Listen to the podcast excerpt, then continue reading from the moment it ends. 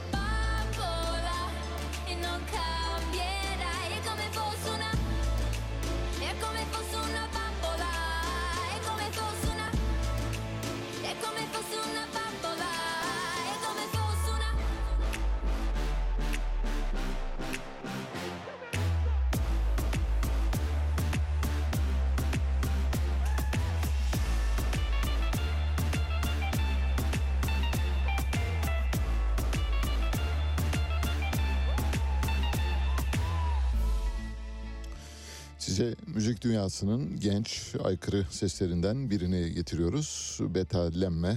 Betalemme Kanada, Montreal, Quebec doğumlu henüz 29 yaşında çok genç bir e, sanatçı.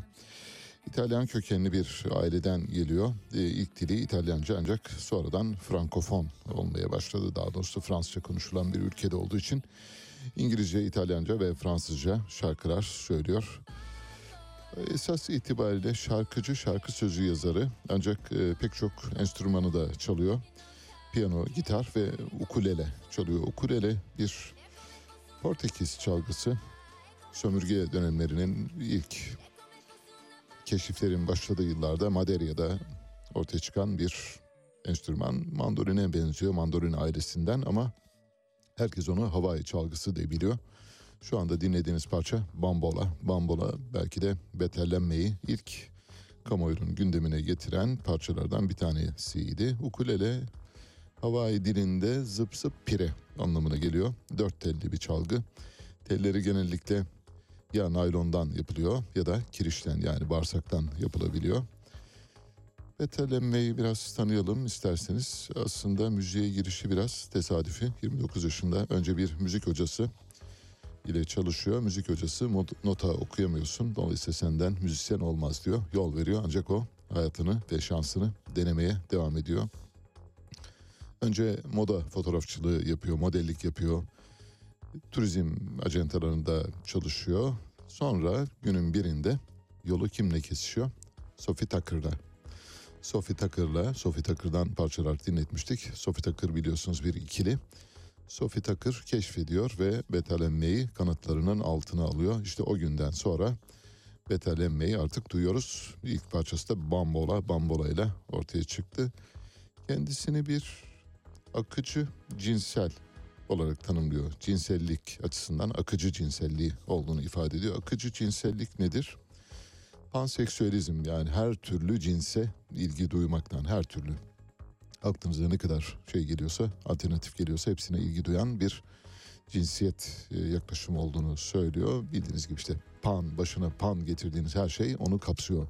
Pan İslamist, pan İslamist, pan Turanist, pan Amerikanist, pan Germenist dediğiniz zaman panseksüelizmde bütün cinsellikleri karşılayan ve onları kapsayan bir cinsellik anlayışı oluyor. Size betalenmeden birkaç parça daha çalacağız. Son parça müthiş çok vurucu. Onu da yeri geldiğinde çalacağız. Şimdi bugün için e, şöyle başlamak gerek. Cumhurbaşkanından gelen bir son dakika haberi var. Şu anda resmi gazetede henüz taze resmi gazeteye baktık sabahleyin. Motorlu taşıtlar vergisini Cumhurbaşkanı %50 oranında indirdi. Bildiğiniz gibi Cumhurbaşkanı'nın yeniden değerleme oranları kapsamındaki vergileri %50'ye kadar indirme ve yukarı çıkarma yetkisi var. Bu yetkisini kullandı. Normal şartlarda motorlu taşıtlar vergisinin yeniden değerleme oranı kapsamında %122 artması gerekiyordu. %61,5 tam yarısı kadar bir indirim oldu. Dolayısıyla motorlu taşıtlar vergisini daha az ödeyeceksiniz. Ülkesini ve halkını seven bir cumhurbaşkanımız var. Asgari ücretle ilgili toplantılar devam ediyor. Asgari ücretin 3. toplantısı dün yapıldı. Bugün asgari ücreti Disk Genel Başkanı Doktor Arzu Çerkezoğlu ile değerlendireceğiz saat 8.30'da. Türk İş'ten yapılan bir açıklama var. Hükümet kanadından ve işveren kanadından gelen bir açıklama yok ama Türk İş yani masaya oturan en büyük sendika, masaya oturma, oturma yetkisine sahip tek sendika de, diyelim konfederasyon. Türk İş Genel Başkanı Ergün Atalay 9 bin liranın altında bir asgari ücreti kabul etmeyeceğiz dedi. Dolayısıyla bir sınır çizdi.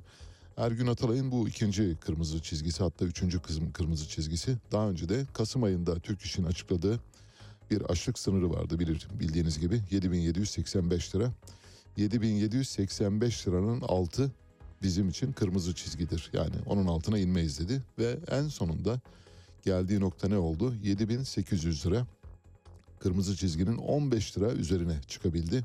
Şimdi dünkü toplantıdan çıkar çıkmaz 9 bin liranın altında bir asgari ücrete razı değiliz dedi. Bu muhtemelen içeride 9 bin lira kararlaştırılmış. Ancak ben size olacakları söyleyeyim. Bildiğiniz gibi biz Ekim ayından bu yana yani asgari ücret tespit komisyonu henüz daha toplanmaya başlamadan önce çok önce asgari ücret tartışmaları olduğunda asgari ücretin minimum 10 bin lira olacağını olması gerektiğini söylemiştik. Muhtemelen 10 bin lira olacak. Türk İş Genel Başkanı 9 bin dediyse Cumhurbaşkanı çıkacak diyecek ki bin de ben koydum üstüne ve dolayısıyla halkın aslında e, kaybedip bulduğu bir şeyi vermiş olacak. 10 bin lira iddiamızı çoktan beri sürdürüyoruz. Bakalım bizi zaman doğrulayacak mı doğrulamayacak mı? Ben 10 bin lira olabileceğini düşünüyorum. 9 bin lira olur ama Türk İş Genel Başkanı bunu açıkladığına göre artık onun bin lira üzerine çıkar diye düşünüyoruz.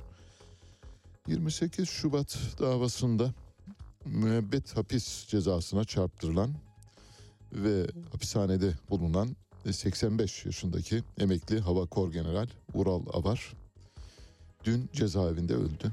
Hayatını kaybetti.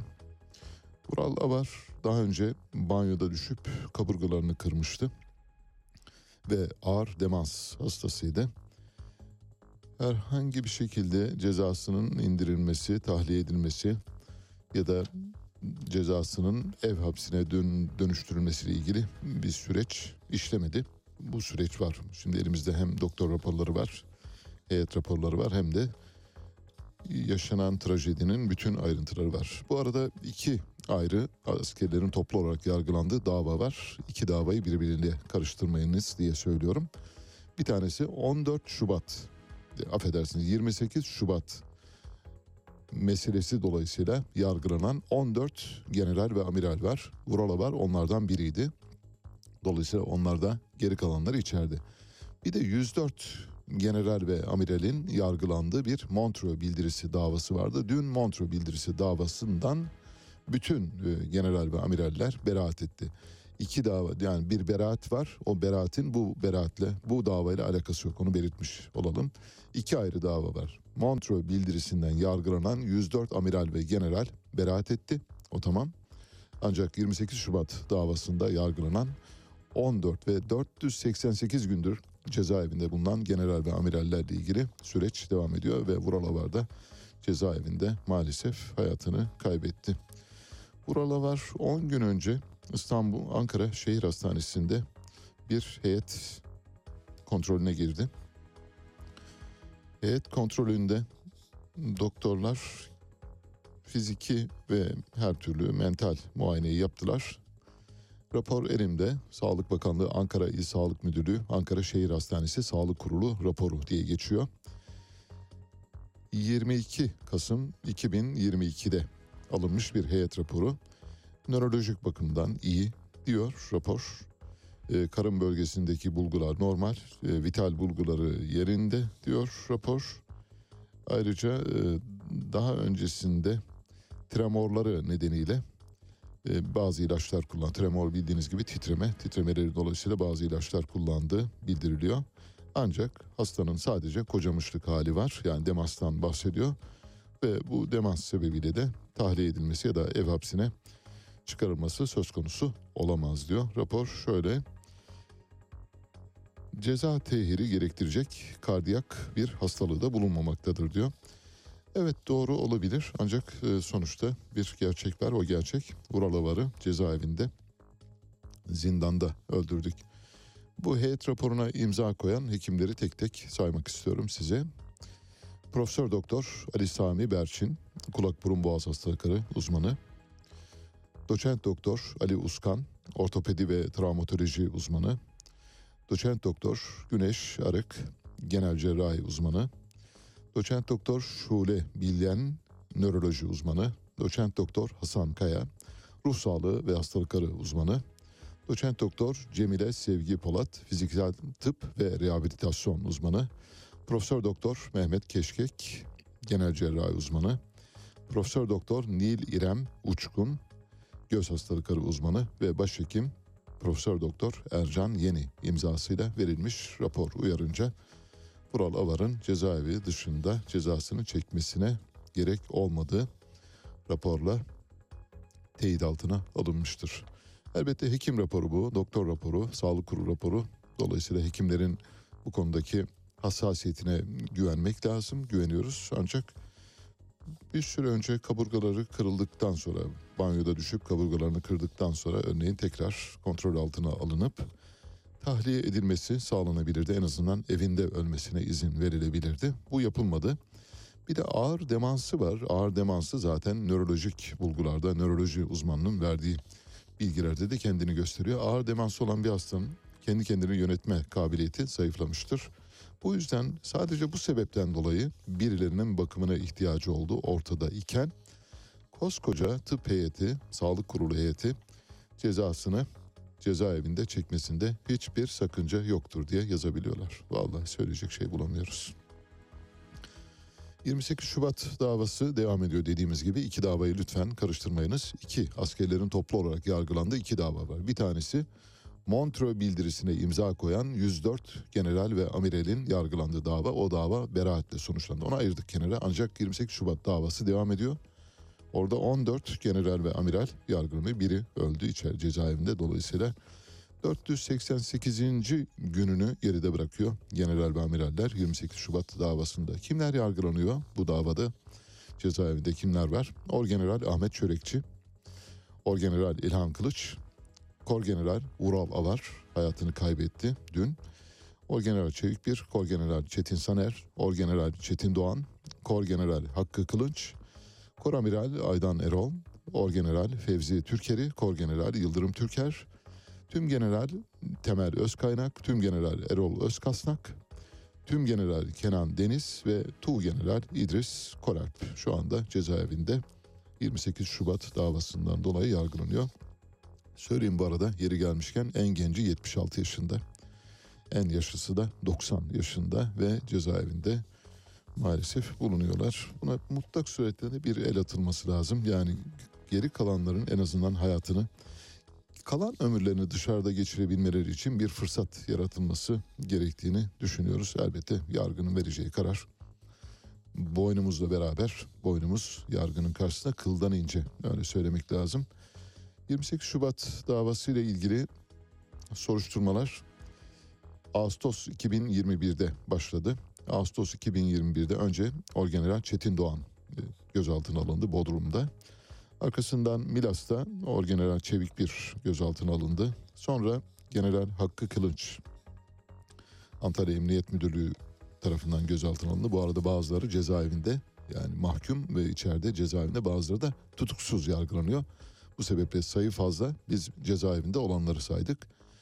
Ve Yargıtay'ın kararında suçun icra hareketleri üzerinde müşterek hakimiyet kurdukları tespit edilen Ahmet Çörekçi, Aydan Erol, Cevat Özkaynak, Çetin Doğan, Çetin Saner, Çevik Bir, Erol Özkasnak, Fevzi Türkeri, Hakkı Kılınç, İdris Koralp, İlhan Kılıç, Kenan Deniz, Vural Avar, Yıldırım Türker olay tarihinde yürürlükte bulunan 765 sayılı Türk Ceza Kanunu'nun 147. maddesindeki Türkiye Cumhuriyeti İcra Heyeti yani hükümet ve vekilleri cebren ıskat yani düşürmek ve vazife görmekten cebren men etmek suçu bakımından müşterek fail olarak tutuklandılar. Şu anda cezalarını 488 gündür cezaevinde geçiriyorlar.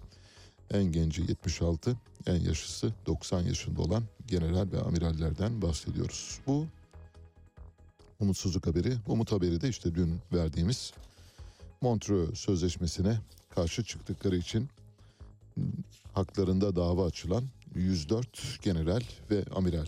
Aslında bu 104 general ve amiral meselesini doğru telaffuz etmek lazım.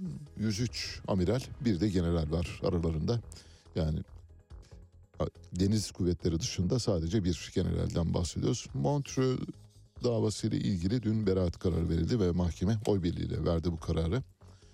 Montreux bildirisi birazdan bir ses kaydı da dinleteceğiz. Çünkü geriye doğru döndüğümüzde tarihsel ne büyük hatalar yaptıklarını siyasilerin kanıtlamak durumundayız.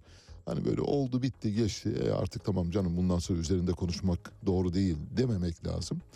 Hataları görmemiz lazım. Nasıl ki 1971 faşist muhtırası sonrasında gencecik çocukları dar ağaçlarında üstelik de yaşlarını büyüterek 12 Eylül'de astılar ve gencecik çocukları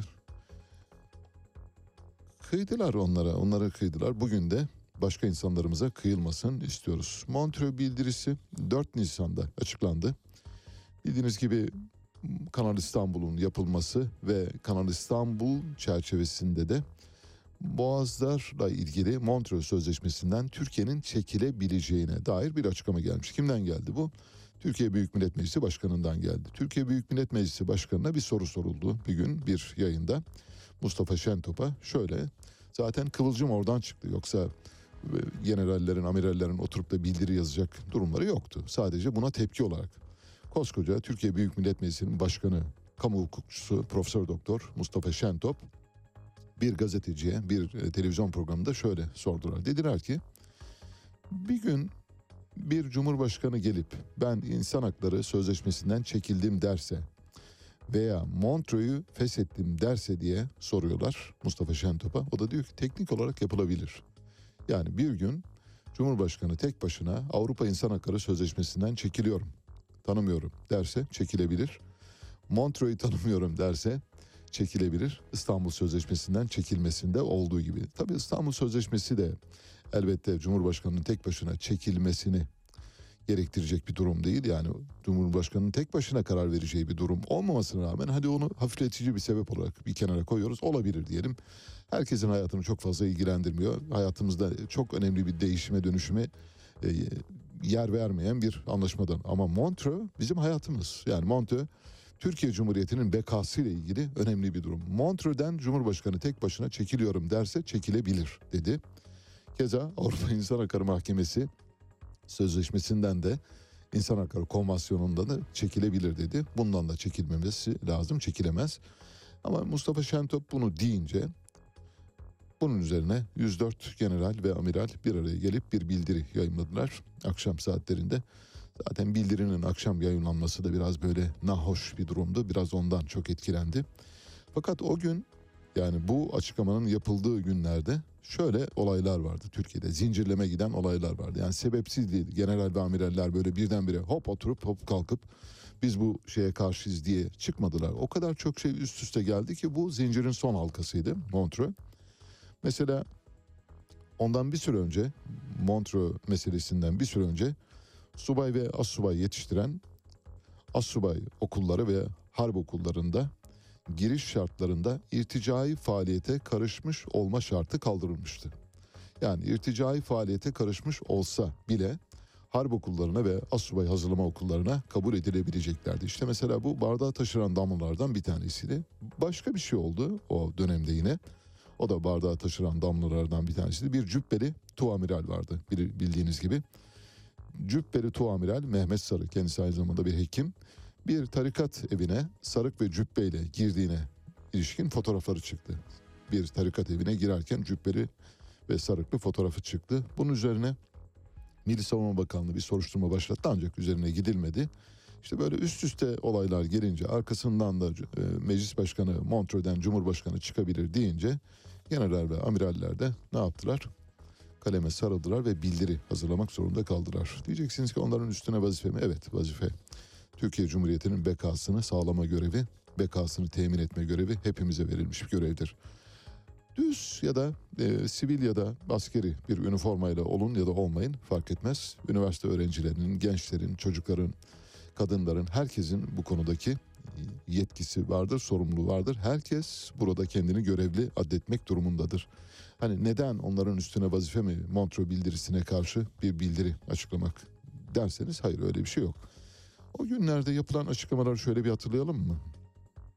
Mesela Montreux bildirisi açıklandıktan sonra Cumhurbaşkanı Recep Tayyip Erdoğan tartışmanın sebebi kesinlikle ifade özgürlüğü meselesi değildir. Buradakilerin bir kısmı çeşitli mecralarda görüşlerini dile getirmektedir. Hiçbirine yaptıkları açıklamalardan dolayı herhangi bir soruşturma açılmış değildir ama bir gece yarısı 104 emekli amiralin böyle bir girişimde bulunması asla kabul edilemez diyor. Bendeniz de aynı kanaatteyim. Gece yarısı bildirisi olmamalıydı. Diyeceksiniz ki gece yarısı değil de sabahın köründe açıklanmış olsaydı sonuç değişir miydi? Hayır değişmezdi ama gece yarısı bildirileri böyle bizde bir titreme yaratıyor. Bir tremor yaratıyor maalesef. Çünkü darbeler gece yarısı sabaha karşı olur. Bütün tartışmalar öyle başlar. Muhtıralar, andışlar gece yarılarında genellikle yayınlanır. Bu, bu bakımdan böyle bir duyargalarımız var. O duyargalarımızı etkileyen bir şey olduğu için Cumhurbaşkanı Yardımcısı Fuat Oktay da Montreux bildirisi sonrasında şöyle dedi. Millet iradesini ve Recep Tayyip Erdoğan'ın dik duruşunu hazmedemeyen darbe seviciler dedi. 104 general ve amiral için. Dün beraat edenler için söylüyor. Cumhurbaşkanlığı İletişim Başkanı Fahrettin Altun da şöyle dedi. Neymiş? Birkaç emekli amiral bir araya gelip bir bildiri yazmışlar. Beşinci kol unsurları da hemen heyecanlanmış. Oturun oturduğunuz yerde o Türkiye eskide kaldı. Haddinizi bilin siz kimsiniz dedi. Kim için söylüyor? Dün beraat eden general ve amiraller için söylüyor. Milli Savunma Bakanlığı da şöyle dedi. Türk Silahlı Kuvvetleri personelinin moral ve motivasyonunu olumsuz etkilemekten ve düşmanlarımızı sevindirmekten başka bir işe yaramayacağı açıktır. Bağımsız Türk yargısının gereğini yapacağına inancımız tamdır diyor. Milli Savunma Bakanlığı askerleri hedef gösterdi ve o yüzden zaten soruşturma hemen başladı. Cumhuriyet Halk Partisi burada daha böyle net pozisyon olan e, partilerden biriydi ama onlarda bile ne şiş yansın ne kebap hikayesi var. Grup Başkan Vekili Engin Özkoç, o eleştirdiğiniz amiraller 15 Temmuz'un önünde de sonunda da dimdik durdular. Kemal Kılıçdaroğlu emekliler dünyanın neresinde darbe yapıyor? Bunların akıllarını gerçekten peynir ekmekle yemiş olmaları gerek. Bu kadar saçmalığı Türkiye Cumhuriyeti Devleti hiç görmedi ve duymadı diyor.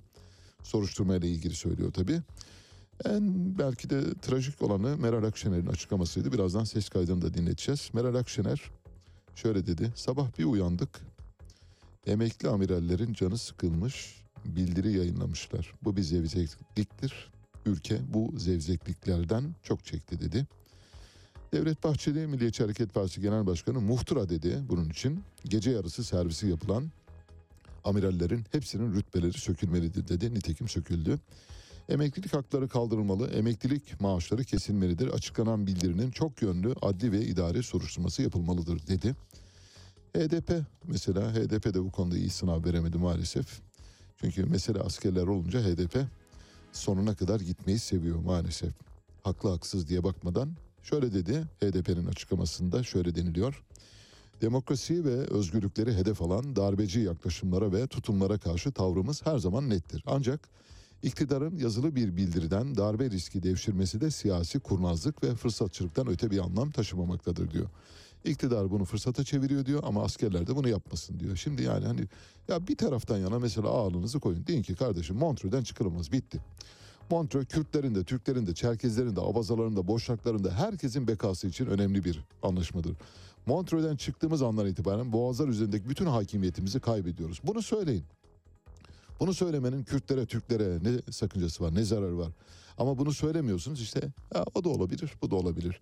Ne şiş yansın ne kebap. İşte demokrasi ya da demokrasi bilinci, demokratik değerlere bağlılık burada kendini gösterir. Bir şeyi doğru tahlil etmiş olsaydınız kardeşim Montreux bildirisi yürürlükten kaldırılamaz. Montreux yürürlükten kaldıranın karşısında dururuz demesi lazımken ama işte işin içine askerler karışınca HDP öyle de olabilir, böyle de olabilir. Cumhuriyet Halk Partisi de öyle bu arada. Gelecek Partisi o da kötü bir sınav verdi. Ahmet Davutoğlu bildiri ülkenin tarihsel hafızasını ve içinden geçtiği hassas süreci göz önüne almayan kötü niyetli bir sorumsuzluk örneğidir dedi. Nasıl? Ahmet Davutoğlu. Ali Babacan o da kötü bir sınav verdi. Tarihimizin utanç sayfaları askerlerin siyasete yönelik hadsiz müdahaleleriyle doludur. Bu acı hafıza depreştirilmemelidir diyor. Bir tek TKP bu konuda şahane. Emekli amirallerin 4 Nisan 2021 tarihli açıklaması metnin bütününden ve ayrıntılarından rahatlıkla anlaşılabileceği gibi Türkiye bağımsızlığını, bütünlüğünü ve egemenliğini savunma amacı taşımaktadır diyor. Bakın bir tek TKP, Türkiye Komünist Partisi olayın adını koyuyor, doğru tarif yapıyor. Bunun bağımsızlığımıza gölge düşürmeye matuf bir eylem olduğunu söylüyor. Geri kalanı, geri kalan bütün siyasi partiler, Cumhuriyet Halk Partisi dahil, hepsi general ve amiralleri linç etti. Linç, linç, linç. Peki linç dün beraat geldi. Şimdi peki dün linç ettiklerinizin bugün beraat etmesi karşısında ne söyleyeceksiniz? Çok merak ediyoruz. Bir dinleyelim Meral Akşener'i? En baştan ilan etmek isterim ki İyi Parti Türkiye Cumhuriyeti'nin ve kurumlarının değer ve kazanımları ile demokrasi geleneğimiz konusunda samimi ve kararlı bir şekilde taraftır. Yargısından diplomasisine, siyasetinden ordusuna, Cumhuriyetimizin tüm kurumlarının ortak değerlerimiz konusunda ortak bir akılla hareket etmesinin de ülkemizin ve milletimizin bekası açısından önemli olduğuna inanıyoruz. Partimizin duruşu budur. Sabah bir uyandık. Emekli amiraller bir bildiri yapmış, bir bildiri yazmış ve iktidar partisi ve mensupları bunun üzerinde tepiniyor. İş 15 Temmuz'a kadar gitmiş. Şimdi benim bildiğim 60 ihtilalinde 4 yaşındaydım hatırlamıyorum. Ama bütün muhtıraları daha sonraki 72-73 muhtırasını 80 ihtilalini 28 Şubat'ın içinde yer alarak yani maruz kalarak yaşamış ve 27 Nisan bildirisini de yaşamış bir kişi olarak bildiğim bir şey var.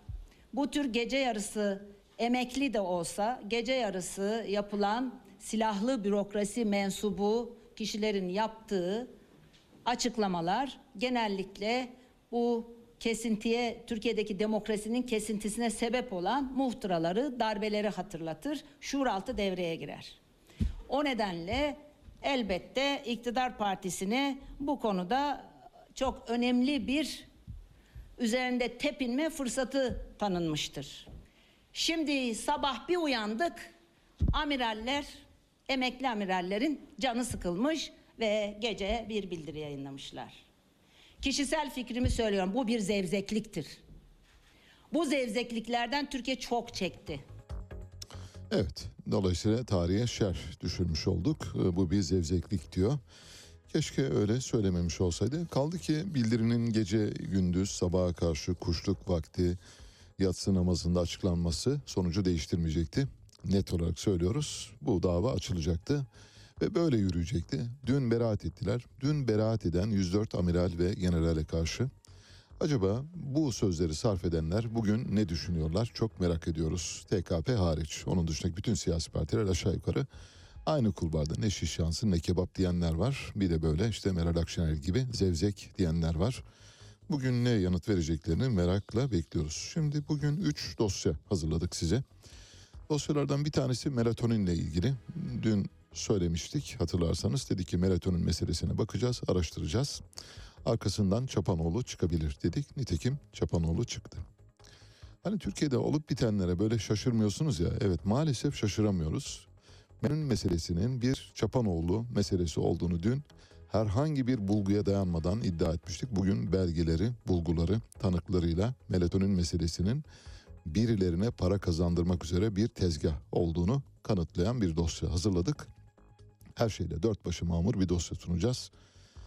Bir başka haber var o da bir dosya. Son attığım tweet'e merak edenler bakabilirler. Bir uçak kaçırma hikayesi var. Türkiye bir yasa dışı uçak kaçırma ülkesine dönüştü. Avrupa'dan şuradan buradan gelen uçaklar Türkiye'de birkaç gün park ediyor, bir süre park ediyor, kalıyor belli yerlerde. Sonra birden hop pat nereye? İran'a götürülüyor. Ve uçak tabii giderken rotasında örneğin Dubai'yi gösteriyor ya da Birleşik Arap Emirlikleri'ni gösteriyor, bir yeri gösteriyor. Fakat acil iniş izni alarak İran'da bir yere iniyor ve uçak bir daha da dönmüyor, kayboluyor. Şimdi bu kaçıncı uçaktır bilmiyoruz ama uçağın manifestosu, uçuş rotası, kimlik bilgileri, uçağı Hırvatistan'dan getiren kabin görevlileri, pilot pilotlar, uçağı buradan alıp İran'a götüren Birleşik Arap Emirlikleri'ne Dubai'ye götüreceğiz diye, Birleşik Arap Emirlikleri'ne götüreceğiz diye İran'a acil iniş yaptıran İranlı pilotlar, Sivil Havacılık Genel Müdürlüğü'nden bu işe cevaz verenler, Devlet Hava Meydanları'ndan bu işe göz yumanlar ve Ulaştırma ve Altyapı Bakanlığı'ndan bu işe göz yumanlar herkesin bu işte dahli var. Belgeleriyle, kanıtlarıyla tek tek hepsini paylaşacağız. Ama her şey çok sağlam öyle söyleyelim. Hani kapı gibi derler ya öylesine belgeler var. Bir de birazdan size bir Ergenekon davası ile ilgili bir hatırlatma dosyası hazırladık. Onu paylaşacağız. Malum hem e, 28 Şubat davası önümüzde duruyor hem e, Montreux bildirisi dolayısıyla açılan ve dün beraatle sonuçlanan dava var. Bunları hatırlamamız lazım çünkü insanların hayatları cezaevlerinde, zindanlarda heba oluyor, heder oluyor. İnsanların yok yere heba olmaması, hayatlarını heder etmemeleri için bir şeyler yapmamız lazım. Ergenekonu biraz hatırlatırsak belki bugün daha az yanlış yapmaya vesile oluruz diye düşünüyoruz. Asgari ücretle ilgili elimde bir liste var. Türkiye asgari ücreti son 10 yılda euro bazında yüzde bir geriledi. Asgari ücret son 10 yılda euro bazında yüzde bir geriledi. Demek ki asgari ücrete bir ilerleme yok. Yani herkes yukarı doğru giderken biz aşağı doğru iniyoruz. Buna mukabil Romanya'da asgari ücret son 10 yılda euro bazın- bazında yüzde 12 arttı. Romanya'dan bahsediyoruz. Eksik ve yarım bir demokrasi olan ülkeden bahsediyoruz. Bulgaristan'da yüzde 9 arttı asgari ücret euro bazında. Polonya'da yüzde 6.2 6.2 arttı. Türkiye'de ise yüzde bir geriledi. Liste şöyle listede Lüksemburg'dan Arnavutluğa kadar çok sayıda ülke var. 25'ten fazla ülkeden bahsediyoruz. Bu 25'ten fazla ülke içinde son 10 yılda asgari ücreti euro bazında gerileyen tek ülke var. Bu ülke Türkiye tahmin edeceğiniz gibi. Ülkelerin diğerlerinde asgari ücret yüzde onlar, on beşler, yüzde beşler, minimum yüzde beşler seviyesinde arttı euro bazında. Demek ki euro bazındaki artış şu anlama geliyor. Fakirleşmenizi önlüyor. Eğer euro değer kaybettiyse o değer kaybının üzerinde bir asgari ücret verirseniz halkınızı rahat yaşatmış olursunuz. Bu arada Türkiye'de asgari ücretle yaşayanların, çalışanların yüzde 57'sinin asgari ücret aldığını hatırlatmış olalım. Yüzde 57 halkın yani çalışanların yarıdan fazlası asgari ücretle yaşıyor. Bir asgari ücret ülkesine dönüştük. Cenneti, asgari ücret cennetine dönüştük maalesef. Şöyle birkaç ülkeden örnek vereceğim. Mesela Lüksemburg tabii Avrupa'nın en e, muhteşem ülkelerinden bir tanesi. Bir cennet Lüksemburg. Lüksemburg'da Temmuz 2012'de asgari ücret 1801 euroydu. Temmuz 2022'de 2313 euro oldu. Yüzde iki buçuk artış var euro bazında. Hepsini tek tek saymayacağım ama mesela Belçika'nınki arttı, İrlanda'nınki arttı, Hollanda'nınki arttı. Almanya'nınki, Fransa'nınki arttı. Amerika, İspanya, Slovenya, Yunanistan, o batık Yunanistan'dan bahsediyoruz. Hepsinde artış var. Mesela Litvanya'da asgari ücret son 10 yılda %12 artmış euro bazında. Estonya'da, Baltık ülkelerinden Estonya'da %8,5 artmış. Çek Cumhuriyeti'nde %7,7 artmış asgari ücret. Dahası var. Ee, Hırvatistan'da %5,2 artmış. Romanya'yı biraz önce söyledim. Sırbistan'da %5 artmış 5.6. Letonya'da %5.7. Bulgaristan'da 9.4. Arnavutluk hiç böyle bir yere koyamadığınız Arnavutluk'ta %5.8. Arnavutluk bile halkını enflasyon karşısında ezdirmiyor. Asgari ücreti 10 yılda %5.8 artırmış. Gerileyen tek ülke var 25. Liste burada. Arkadaşlarımız verirse göreceksiniz. Bu listede bu bir utanç listesi. Bu kadar ülke arasında yani Arnavutluğun, Bulgaristan'ın, Sırbistan'ın, Macaristan'ın, Romanya'nın, Slovakya'nın olduğu bizimle aynı ligdeki ülkelerden bahsediyoruz. O ülkeler arasında bile bir yere oturamamışız. Bu ülkeler arasında asgari ücreti gerileyen tek ülke var. O da biziz. Bu da bize günün armağanı olarak gelsin. Yüksek Seçim Kurulu Başkanı Muharrem Akkaya dün hatırlarsanız Cumhurbaşkanının yeni seçimde üçüncü kez aday olup olamayacağıyla ilgili bir çalışma yaptırdım. Ancak bu çalışmanın sonuçlarını kimseyle paylaşmadım, üyelerle de paylaşmadım, kimseyle paylaşmıyorum dedi. Niçin söylemişti? Cumhurbaşkanı tehdit ediyor bence Yüksek Seçim Kurulu Başkanı. Neden? 24 Ocak'ta Yüksek Seçim Kurulu'nun 5 üyesinin görev süresi sona eriyor. Bunlardan biri de Başkan Muharrem Akkaya.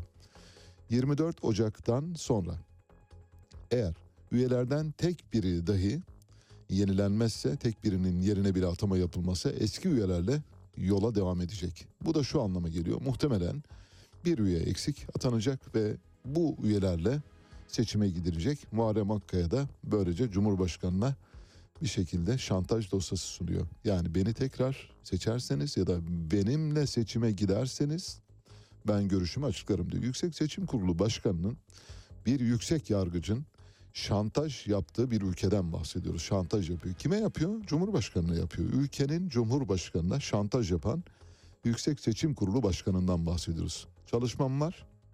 Yaptım. Kimseye açıklamadım. Kimseyle paylaşmadım. Diyerek noktayı koyuyor. Ve o Yüksek Seçim Kurulu Başkanı kim biliyor musunuz? Mesela Cemazül Evveline, siciline şöyle bir bakalım. 2019'da İstanbul seçimlerinin yenilenmesine onay veren üyelerden biri de yine Muharrem Akkaya. Nasıl? Dolayısıyla muhtemelen devam edecek. Kemal Kılıçdaroğlu'nun Beşar Esad'a bir mektup yazdığı öne sürülüyor. Mektubu görmedik. Ancak böyle bir mektup herhalde var. Öyle düşünüyoruz, bilmiyoruz. Bulacağız. Bulursak e, mektubu paylaşırız. Bulamazsak bu bir iddiadan öteye gitmez. Kemal Kılıçdaroğlu Beşar Esad'a yazdığı mektupta güya şöyle demiş. Güya diyoruz çünkü elimizde kanıt yok, mektup yok. Erdoğan'la yapacağınız bir görüşme bizim seçimimizi etkileyebilir diyor. İktidarımızda Suriye'nin tazminat dahil tüm taleplerini karşılayacağız. Askerlerimizi de çekeceğiz. Siz Erdoğan'la görüşmeyin demiş diyor mektubunda. Doğru mu değil mi bilmiyoruz. Doğrulattığımız zaman sizinle doğru bilgi paylaşacağız. Merak etmeyin. Her türlü bilgiyi doğrulatabilecek birikimimiz var çok şükür. Melatonin dedik. Mesela melatoninin arkasında Çapanoğlu var dedik. Bugün Çapanoğlu'nu bulduk.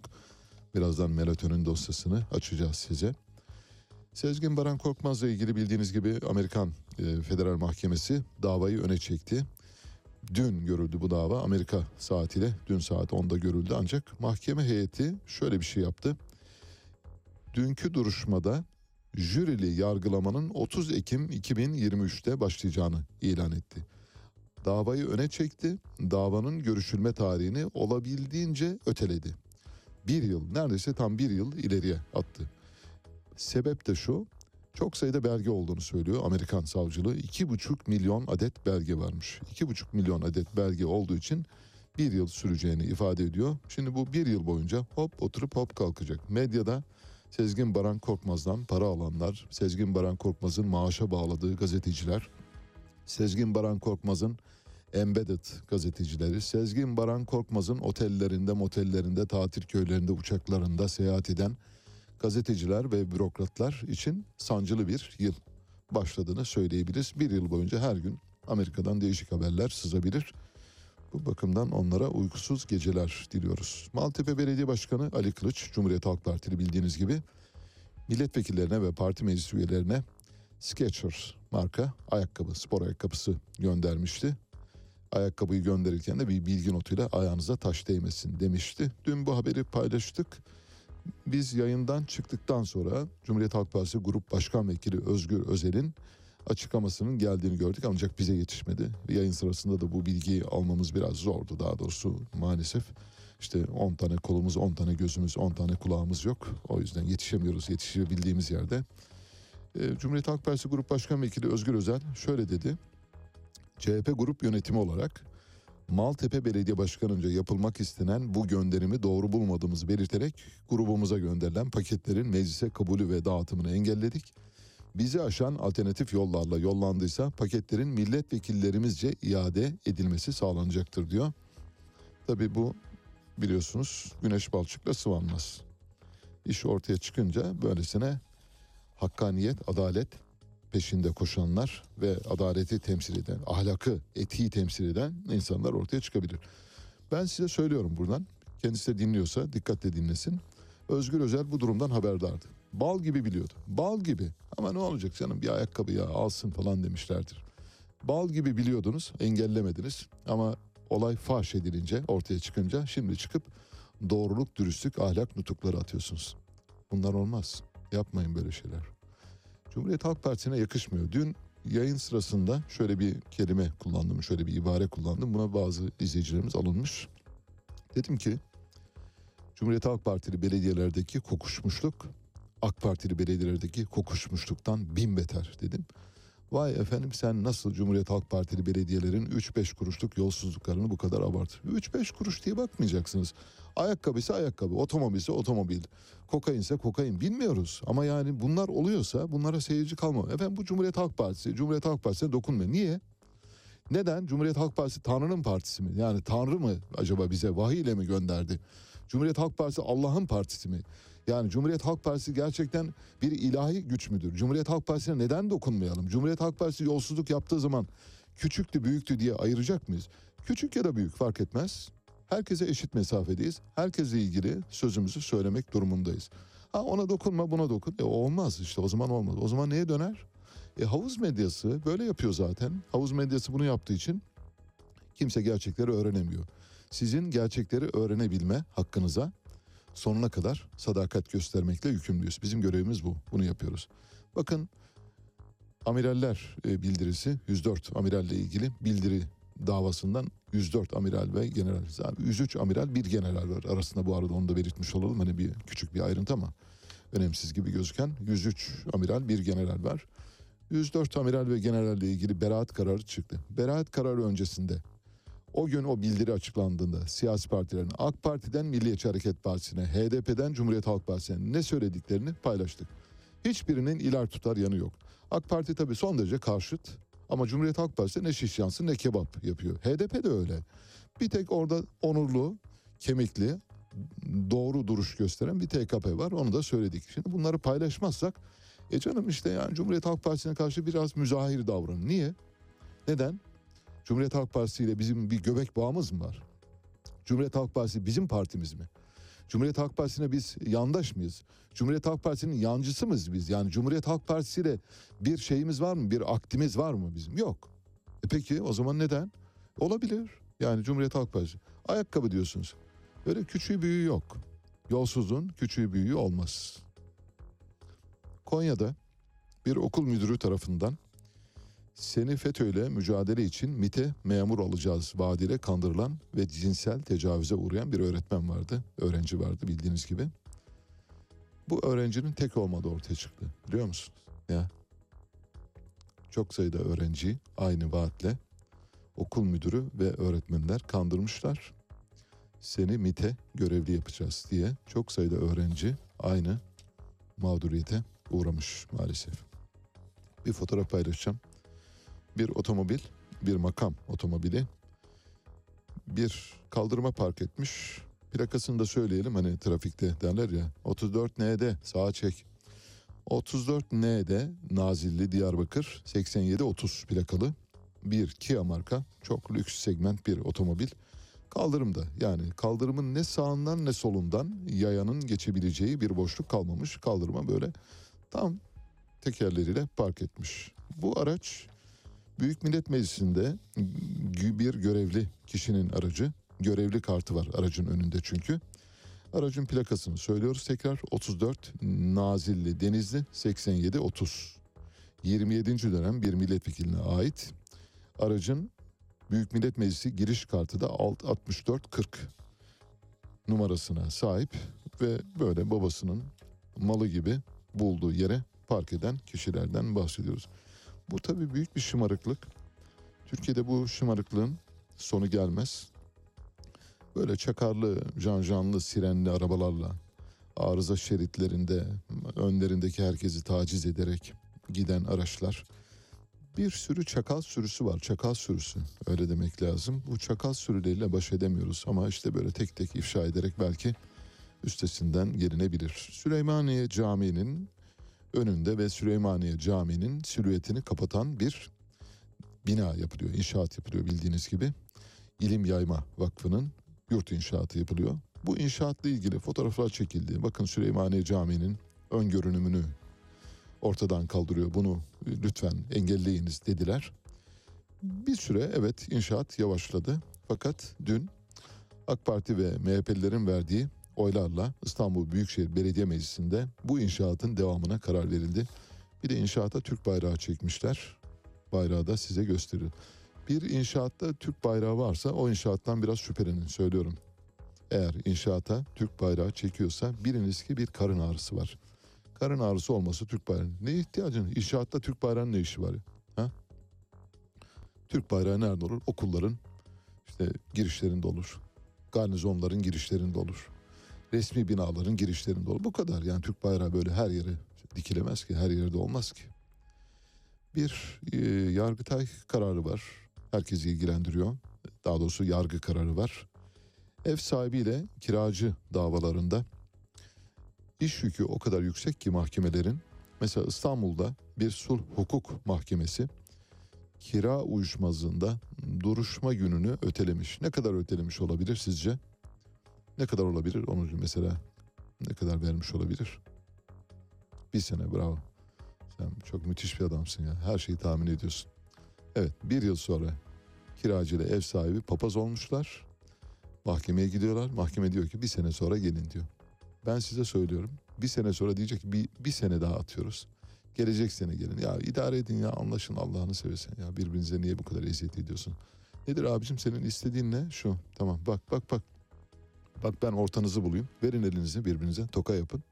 Hadi bakın şurada anlaşın. Yoksa ya mahkeme kapılarında sürünmeyin kardeşim. Bak görüyorsunuz. Bir yıldır gelip gidiyorsunuz. Arpa boyu yol kaydı, kat edemediniz. Bir yıl daha vereceğim size.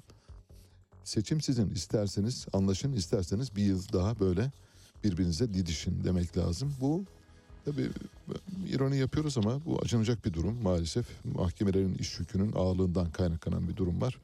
Hukuk asla zamanında tecelli etmiyor. Geciken adalet, adalet değildir derler. Yeni Şafak gazetesi dün şöyle bir manşetle çıktı. Dehşet verici, ibret verici bir manşet. 2022 TL yılı oldu dedi.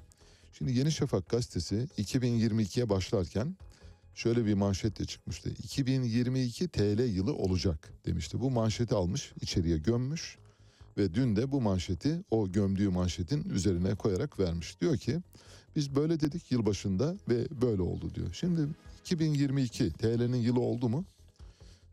Sizce olmuş mudur? Olmadı tabii. Aksine TL %29 değer yitirdi.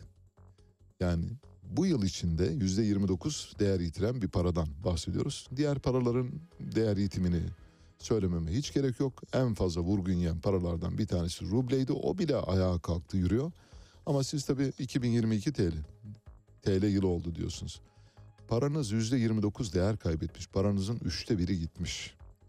1 liranın 35 kuruşu gitmiş. Siz hala çıkıp diyorsunuz, diyorsunuz ki 2022 TL yılı oldu. Ayıp bile değil. Evet. Ayıp bile değil dedik. Onu bize hatırlattı. Evet saat başına gidiyoruz. Haberlere Mehtap Yenidoğan geliyor. Haberlerden sonra size Ergenekon davalarıyla ilgili bir anımsatma yapacağız. Hafızayı beşer nisyan ile maluldür derler. Unutmamanız için bir uçak kaçırma dosyası var. Türkiye bir uçak kaçırma cennetine dönüştü. Türkiye üzerinden İran'a uçak kaçırılıyor. Kaçıncı uçak olduğunu bilmiyoruz. Bir de bir melatonin dosyası var. Onu sizinle paylaşacağız. Ve betelenme söylüyor. Give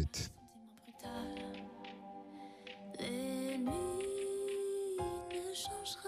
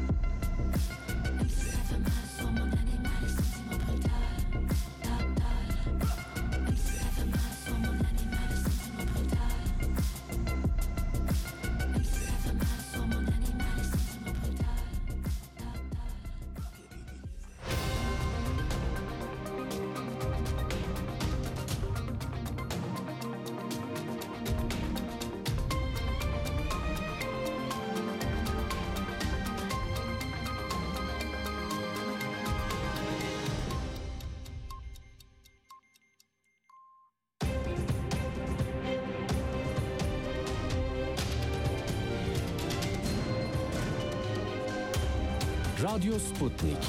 Anlatılmayanları anlatıyoruz. Saat 8 İstanbul stüdyolarından gündemden gelişmeleri aktarıyoruz. Ben Mehtap Yeni Doğan. Önce özetler. Asgari ücrette uzlaşma çıkmadı. Türk İş tekliflerinin 9 bin lira olduğunu açıkladı. 2023 yılı için motorlu taşıtlar vergisinde zam oranı %61.5 oldu. Eğlence vergisi sıfırlandı. Ayrıntılar birazdan.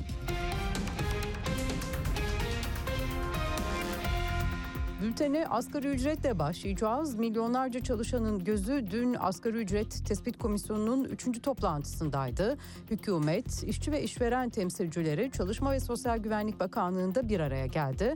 Toplantıda yeni asgari ücretin ortaya çıkması bekleniyordu. Ancak bir uzlaşma olmadı ve işçi tarafı bir tutar telaffuz etti.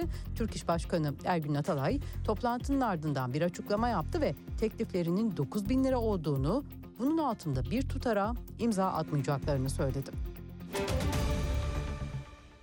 yoksulluktur, açlıktır. Bununla ilgili bizim 40 senedir de yapılan araştırmada uzman arkadaşlarımız bir çalışma yapıyorlar. Türk İş'in resmi teklifi 9 bin lira arkadaşlar. Verirlerse masaya oturup imzalarız. Vermezlerse o için mesele içinde olmayız. Bu arada toplantıdan sonra işveren tarafından bir açıklama yapılmadı. Asgari ücret tespit komisyonunda işçi heyetine başkanlık yapan Türk İş Genel Sekreteri Pevrul Kavlak da kendilerine bir teklif gelmediğini söyledi.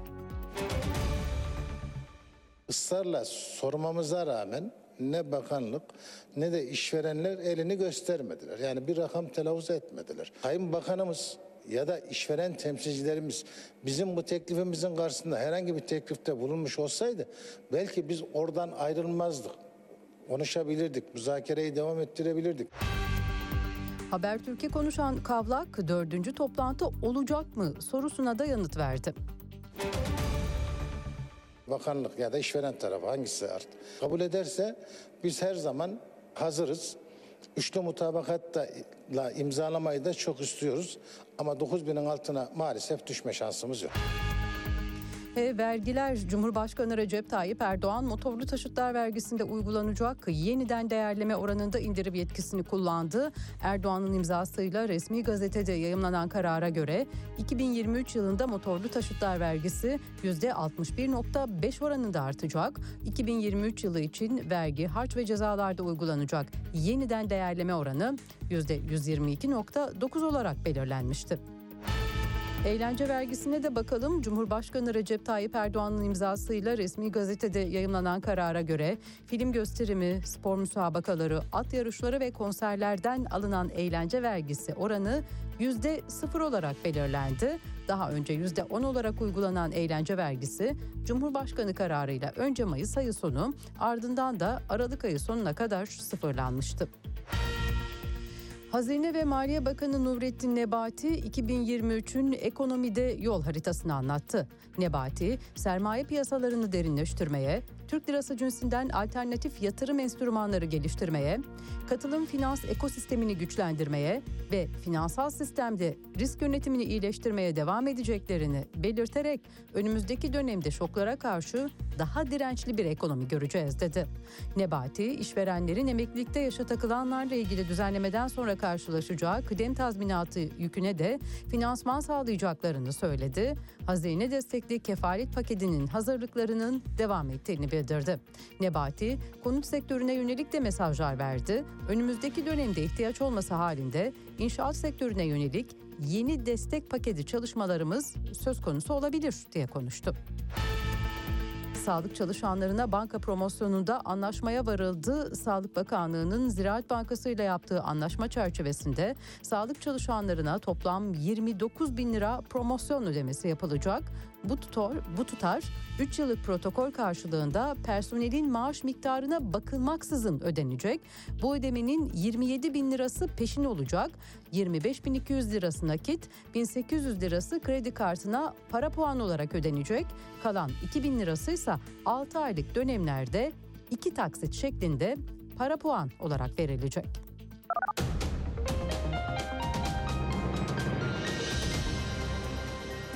Haberleri sunduk. Gelişmelerle tekrar birlikte olacağız. Hoşçakalın. Radyo Sputnik 5 merkezden karasal yayında.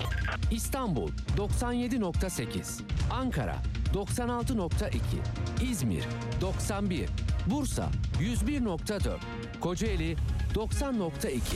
Karasal yayınlarımızın olmadığı yerlerde tr.sputniknews.com adresinden iOS ya da Android mobil cihazınızdan Sputnik News uygulamasını indirerek dinleyebilirsiniz.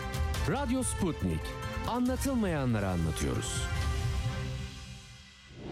Son dakika haberleri, canlı yayınlar, multimedya ve daha fazlası Sputnik Haber Ajansı'nın web sitesinde. Dünyanın küçük bir parçasını değil, tamamını anlamak istiyorsanız sputniknews.com.tr'yi tıklayın, habersiz kalmayın. Dünya kadar mesele, dünyanın tüm meseleleri. Ceyda Karan, eksende dünyada olup biten her şeyi uzman konuklar ve analistlerle birlikte masaya yatırıyor. Dünyadaki meseleleri merak edenlerin programı Ceyda Karan'la Eksen hafta içi her gün saat 16'da Radyo Sputnik'te. Radyo Sputnik artık dünyanın en çok kullanılan sosyal ağlarından biri olan Telegram'da. Hala kullanmıyorsanız önce Telegram uygulamasını mobil cihazınıza yükleyin. Ardından Radyo Sputnik'in Telegram kanalına katılın. Canlı yayınlarımızı ve programlarımızı kaçırmayın. Anlatılmayanları anlatıyoruz. Güne erken başlayanların, gündemi ıskalamayanların, siyasetin, ekonominin, sanatın, kısacası hayatın seyrini kaçırmayanların programı. Ali Çağatay'la Seyir Hali hafta içi her sabah 7'den 9'a Radyo Sputnik'te. Yeniden birlikteyiz. Üç dosyamız olacak. Bu üç dosyayı sizinle paylaşmaya çalışacağız. Zamanımızı ölçülü kullanabilirsek elbette. Bir tanesi Ergenekon davalarıyla ilgili bir hatırlatma. Baştan sona Ergenekon nedir, ne değildir, Ergenekon'dan kaç kişi yargılandı, şu anda durum nedir gibi sorulara yanıt vermek bakımından. Bunları şunun için yapıyoruz. Bir defa hafızamızı taze tutmak bakımından. Çünkü hafızamızı taze tutmazsak örneğin 104 e, amiral ve general davasında Montreux bildirisi davasında Meral Akşener gibi boşluğa düşeriz ve zevzek demek zorunda kalırız. Şimdi o zevzek diyenler mesela bugün beraat kararı karşısında ne diyecekler bunu merak ediyoruz. Hatta o gün olur olmaz her şeyi söyleyenlerin bugün beraat kararı karşısında ne söylediklerini ya da ne düşündüklerini kendi kendilerine ne ikrar ettiklerini merak ediyoruz. Mesela oturup böyle sessizce hani tuvalete kapanıp düşünsünler. Ya ben acaba doğru mu yaptım yanlış mı yaptım diye düşünsünler. Bence yanlış yaptılar ve yanlış yaptıklarını bugün gördüler. 28 Şubat davasında da aynı şeyin olacağını düşünüyorum. Yersiz ve haksız bir şekilde tutuklamalar ve mahkumiyetler söz konusu insanların hayatlarını karartan bir süreç var. Ergenekon davaları sabrınıza sığınarak bir 15 dakika belki biraz daha fazla sürecek. Bu arada iki ayrı dosyamız var. Onları da bu zaman dilimine sığdırmaya çalışacağız. Bir tanesi melatonin dosyası. Melatonin içinde bir Çapanoğlu var dedik dün. Her, herhangi bir kanıtımız olmadan. Bugün o kanıtları bulduk. Gerçekten melatonin işi bildiğiniz gibi değil. Mesela sadece melatonin meselesinden dolayı Sağlık Bakanı'nın bugün istifa etmesi lazım. Normal demokratik bir ülke olmuş olsaydık. Mesela bir uçak kaçırma dosyası paylaşacağım. Her şey var. Pilotların isimleri, uçuş bilgileri, rotası, uçağın kuyruk bilgileri, nereden gelip nereye gittiği, ne zaman kaybolduğuna ilişkin bütün belgeler elimde. Bu belgeler bile birçok bürokratın ve bakanın istifa etmesine yol açacak nitelikte ama Türkiye'de maalesef böyle şeyler olmuyor. Artık istifa müessesesi maalesef çalışmıyor. Ancak bakanlar aflarını talep edebiliyorlar. İşte bu da demokrasinin içinde bulunduğu durumu gösteriyor. Ergenekon davalarının ilk soruşturmaları 2004 yılında başladı. 2004 yılında savcılar, bir takım savcılar harekete geçtiler. FETÖ savcıları Türkiye Cumhuriyeti'nin bekasına kastetmiş olan terör örgütü FETÖ'nün savcıları harekete geçtiler. Ergenekon dosyası kapsamında yüzlerce kişi yargılandı ve yargılamaların odaklandığı noktalar şuydu. Silahlı terör örgütü kurmak, yönetmek, Cumhuriyet Gazetesi ve Danıştay'a saldırı düzenlemek, 2003-2004 yıllarında askeri darbeye teşebbüs etmek, suikast yapılanması kurmak, irtica mücadele, eylem planı hazırlamak, internet andıcı yayınlamak gibi pek çok konuları kapsıyor. Birinci Ergenekon davası şöyle başladı. 14 Ağustos 2001'de ondan öncesine gideyim bir. 14 Ağustos 2001'de AK Parti kuruldu bildiğiniz gibi. AK Parti kurulmadan yıllar önce 1997 yılında 97'nin sonu bendeniz Ankara'da milletvekilleriyle bir sohbet sırasında adlarını vermeyeyim. Bir milletvekili şöyle dedi. Biliyor musunuz dedi. İstanbul'da Silivri'de bir cezaevi yapılacak. 10 bin kişilik bir cezaevi ve 10 bin kişiyi içeri kapatacaklar dedi. Ben de dedim ki ya ya çok özür dilerim ama bu çok abartılı bir şey yani. Neden yapsınlar ki cezaevi mi yok Türkiye'de? Hayır dedi başka bir şey olacak dedi. Ne olacak bilmiyorum ama dedi böyle bir şey var böyle bir girişim var. İşte o girişim bakın 1997'nin sonu Silivri'ye bir cezaevi yapılacak 10 bin kişiyi içeri kapatacaklar dedi. Darbe planları o günden hazırdı. AK Parti gelse de gelmese de olacaktı. Ama AK Parti tabii bu işe çanak tuttu. Birlikte hareket ettiler maalesef. Ve Silivri cezaevi inşa edildi gerçekten. Ve AK Parti henüz ortada yok. 2001'de kuruldu sözünü ettiğimiz şey. Ve 10 bin kişilik cezaevine insanları tıktılar şu anda.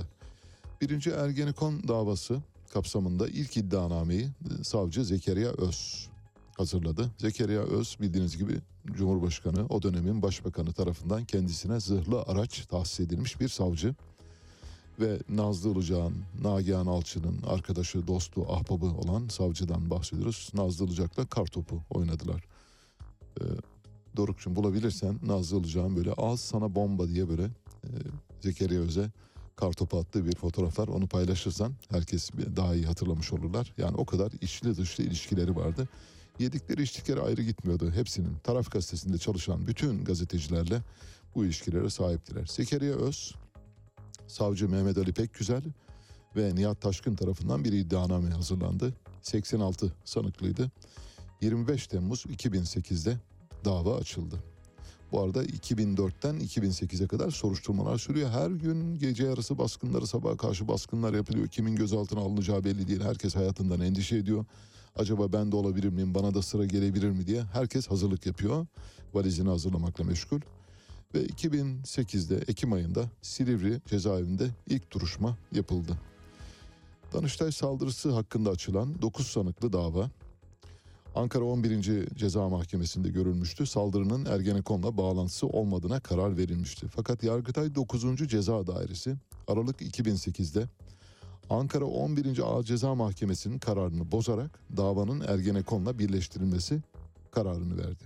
Demek ki Danıştay saldırısı Ergenekon'la bağlantılı değildi. Şimdi bu bunu bu ayrıntıyı şunun için veriyorum bir torbayı açtılar. Torbanın içine buldukları her davayı attılar. O da Ergenekon, bu da Ergenekon, bu da Ergenekon, şu da olabilir, bu da olabilir diye. Ne kadar dava varsa, ne kadar faili meçhul ya da faili belli, belli cinayet ya da olay varsa hepsini o torbanın içine attılar. Çünkü torbanın büyük olması lazımdı.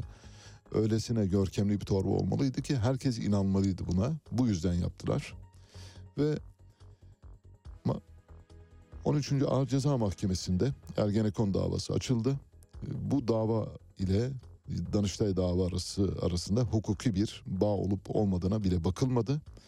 13. Ağır Ceza Mahkemesi 8 Mayıs 2009'da Danıştay davasını birleştirdi. Vatansever Kuvvetler Güç Birliği Hareketi'nin iki yöneticisi hakkında dava açıldı aynı tarihte. Ergenekon örgütü içinde hiyerarşik yapıya dahil olmamakla birlikte örgüt üyelerine bilerek ve isteyerek yardım etmekten dolayı.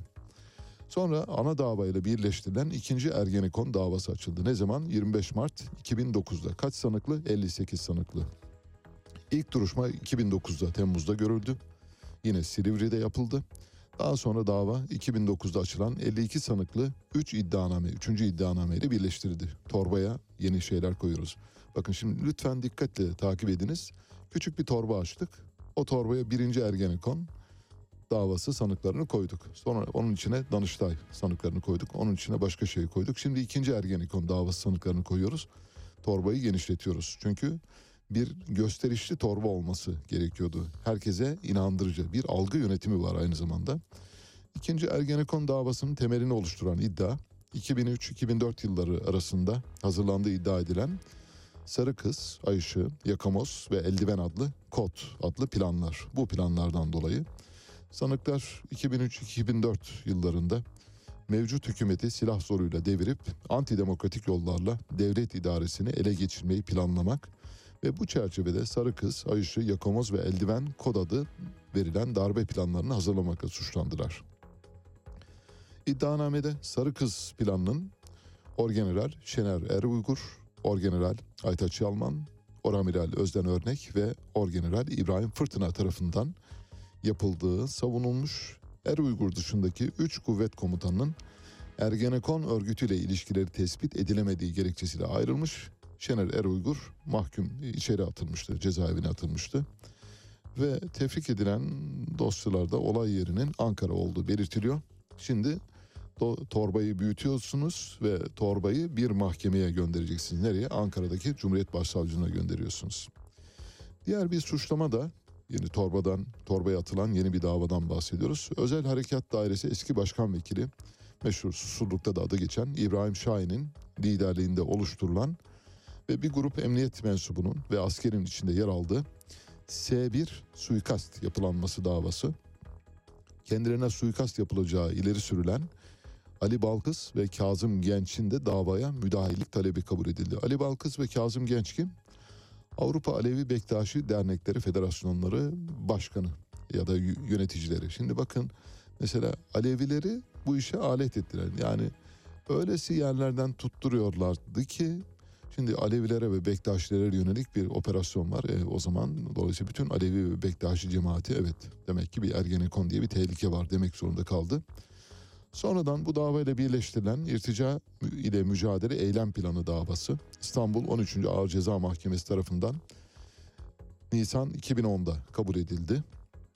Davadaki başlıca suçlama Ergenekon zanlısı Levent Göktaş'ın, Levent Göktaş nerede? Şu anda içeride Bulgaristan'da yakalandı getirildi. Necip Ablemitoğlu cinayetinden dolayı. Şimdi nereden nereye bakın Ergenekon sanığı Levent Göktaş bugün Necip Hablemitoğlu cinayetinin zanlısı olarak yargılanıyor. Nereden nereye? Hani ne oldum demeyeceksiniz, ne olacağım diyeceksiniz derler ya. Ona bakmak lazım. Levent Göktaş'ın soruşturma kapsamında tutuklanan avukatı Serdar Öztürk'ün ofisinde ele geçirildiği belirtilen ve 2009 yılında Taraf gazetesinde manşetten yayımlanan irtica ile mücadele eylem planı başlıklı belge. Bu belgeden dolayı Levent Göktaş hakkında soruşturma açılıyor ve Serdar Öztürk avukatı hakkında. Genelkurmay'da görev yapan Albay Dursun Çiçek hazırlıyor iddiaya göre bu belgeyi. Adalet ve Kalkınma Partisi ile Gülen hareketine yönelik kara propaganda, komplo ve yıpratma planları içerdiği iddia edildi. 2003-2004 dönemindeki darbe planlarına katılmakla suçlanan firari sanık Bedrettin Dalan ve Dalan hakkındaki soruşturmayı önceden haber vererek yurt dışına kaçmasını sağlayan MİT İstanbul Bölge Başkan Yardımcısı Özel Yılmaz da sanıklar arasında yer aldı. Aydınlık Dergisi'nin iki çalışanı bu sanıklar arasındaydı. Jandarma İstihbarat Dairesi Başkanı Levent Ersöz arşivindeki telefon dinleme kayıtları dolayısıyla gözaltına alındı, tutuklandı. AK Parti Genel Başkan Yardımcısı ve eski Milli Eğitim Bakanı Hüseyin Çelik'in İrtica ile Mücadele Eylem Planı belgesinde Milli Eğitim Bakanlığı'na ait okul öğrencilerine ait ibadet, görüntü ve haberlerinin medyada yoğun biçimde yer alması sağlanarak Milli Eğitim Bakanı kamuoyu nezdinde yıpratılacaktır diye bir belge çıktı. Bir tabii fiktif e, yaratılmış sahte bir belge ve Hüseyin Çelik de bu belgeden dolayı davaya müdahil oldu. Hüseyin Çelik şu anda FETÖ iltisaklı biri olarak AK Parti'nin dışında yani nereden nereye geldiğini anlatmak bakımından ifade ediyorum bu küçük notları vererek. Temmuz 2011'de 22 sanıklı internet andıcı iddianamesi kabul edildi ve Aralık 2011'de Adalet ve Kalkınma Partisi davaya ne oldu? Müdahil oldu. Nasıl?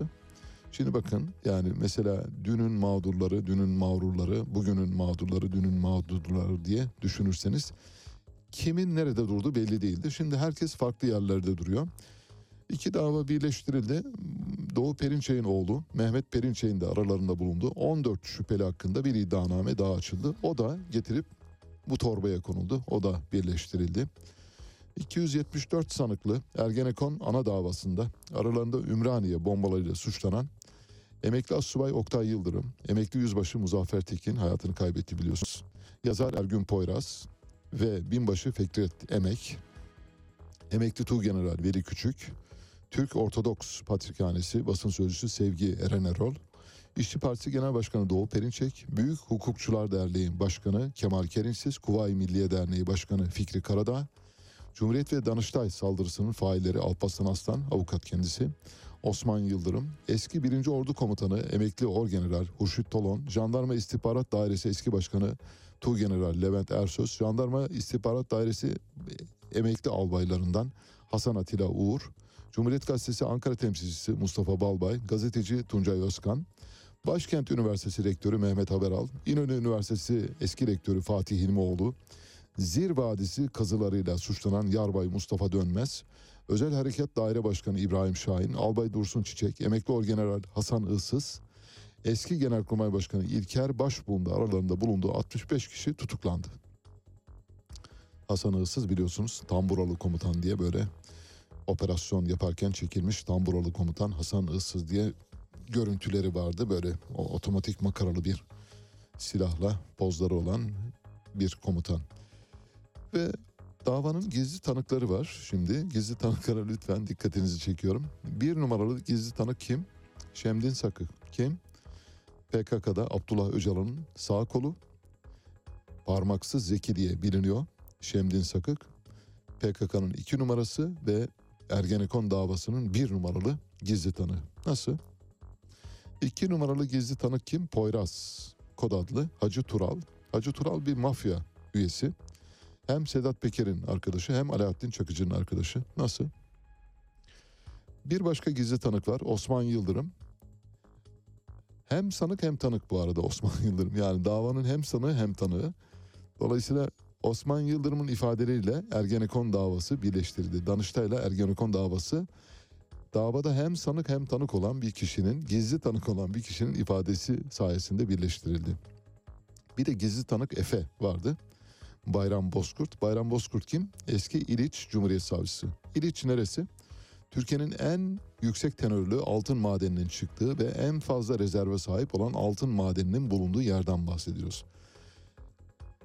Erzincan Cumhuriyet Başsavcısı İlhan Cihaner'in Erzurum Cumhuriyet Başsavcısı tarafından makamında tutuklanmasıyla sonuçlanan olayın kahramanı gizli tanık Efe'dir. İliç Cumhuriyet Savcısı bu altın madeninin aslında Ergenekon'un kopma noktası olduğunu söyleyebiliriz. Ergenekon davalarının açılma sebebi olduğunu söyleyebiliriz. Çünkü orada çok büyük bir pa- pasta vardı. Bu pastayı cemaat kontrol etmek istiyordu. Cemaatin yanı sıra İsmail Ağa cemaati ve diğer cemaatler, menzil dergahı herkes bu altın madenine göz koymuştu ama hani derler ya herkes e, bir genç kıza e, meyil verir, gönül verir ama o birini seçer. Altın madeni Fethullah Gülen'i seçti davalar sonunda. Eski Genelkurmay Başkanı İlker Başbuğ'a müebbet hapis verildi. Mehmet Haberal'a 12 yıl. Hatay Erzin Karakol Komutanı Mehmet Emin Öztürk'e 15 yıl. Mustafa Balbay'a 34 yıl. Cumhuriyet Halk Partisi Milletvekili Sinan Aygün'e 13 yıl. Tuncay Özkan'a ağırlaştırmış müebbet. Orgeneral Hoşut Tolan'a müebbet. Eski Jandarma Genel Komutanı Şener Eruygur'a müebbet. Yazar Yalçın Küçü'ye 22 yıl. İşçi Partisi Genel Başkanı Doğu Perinçek'e ağırlaştırmış müebbet. Albay Dursun Çiçek'e ağırlaştırmış müebbet. Eski 1. Ordu Komutanı Hasan Issız'a müebbet. Emekli Orgeneral Nusret Taşdere'ye müebbet. Emekli Tuğgeneral Veli Küçük'e iki kez ağırlaştırmış müebbet. Emekli Tuğgeneral Levent Ersöz'e 22 yıl. Özel timci İbrahim Şahin'e 49 yıl. Danıştay saldırısının tetikçisi Alparslan Aslan'a iki kez ağırlaştırmış müebbet. Emekli Yüzbaşı Muzaffer Tekin'e iki kez ağırlaştırmış müebbet. Ortodoks Patrikhanesi Sözcüsü Sevgi Eren Erol'a müebbet. Emekli Albay Fuat Selbi'ye müebbet. Sendikacı Mustafa Özbek Türk Metal Sendikası'nın başkanıdır bildiğiniz gibi. Eski başkanı. Müebbet.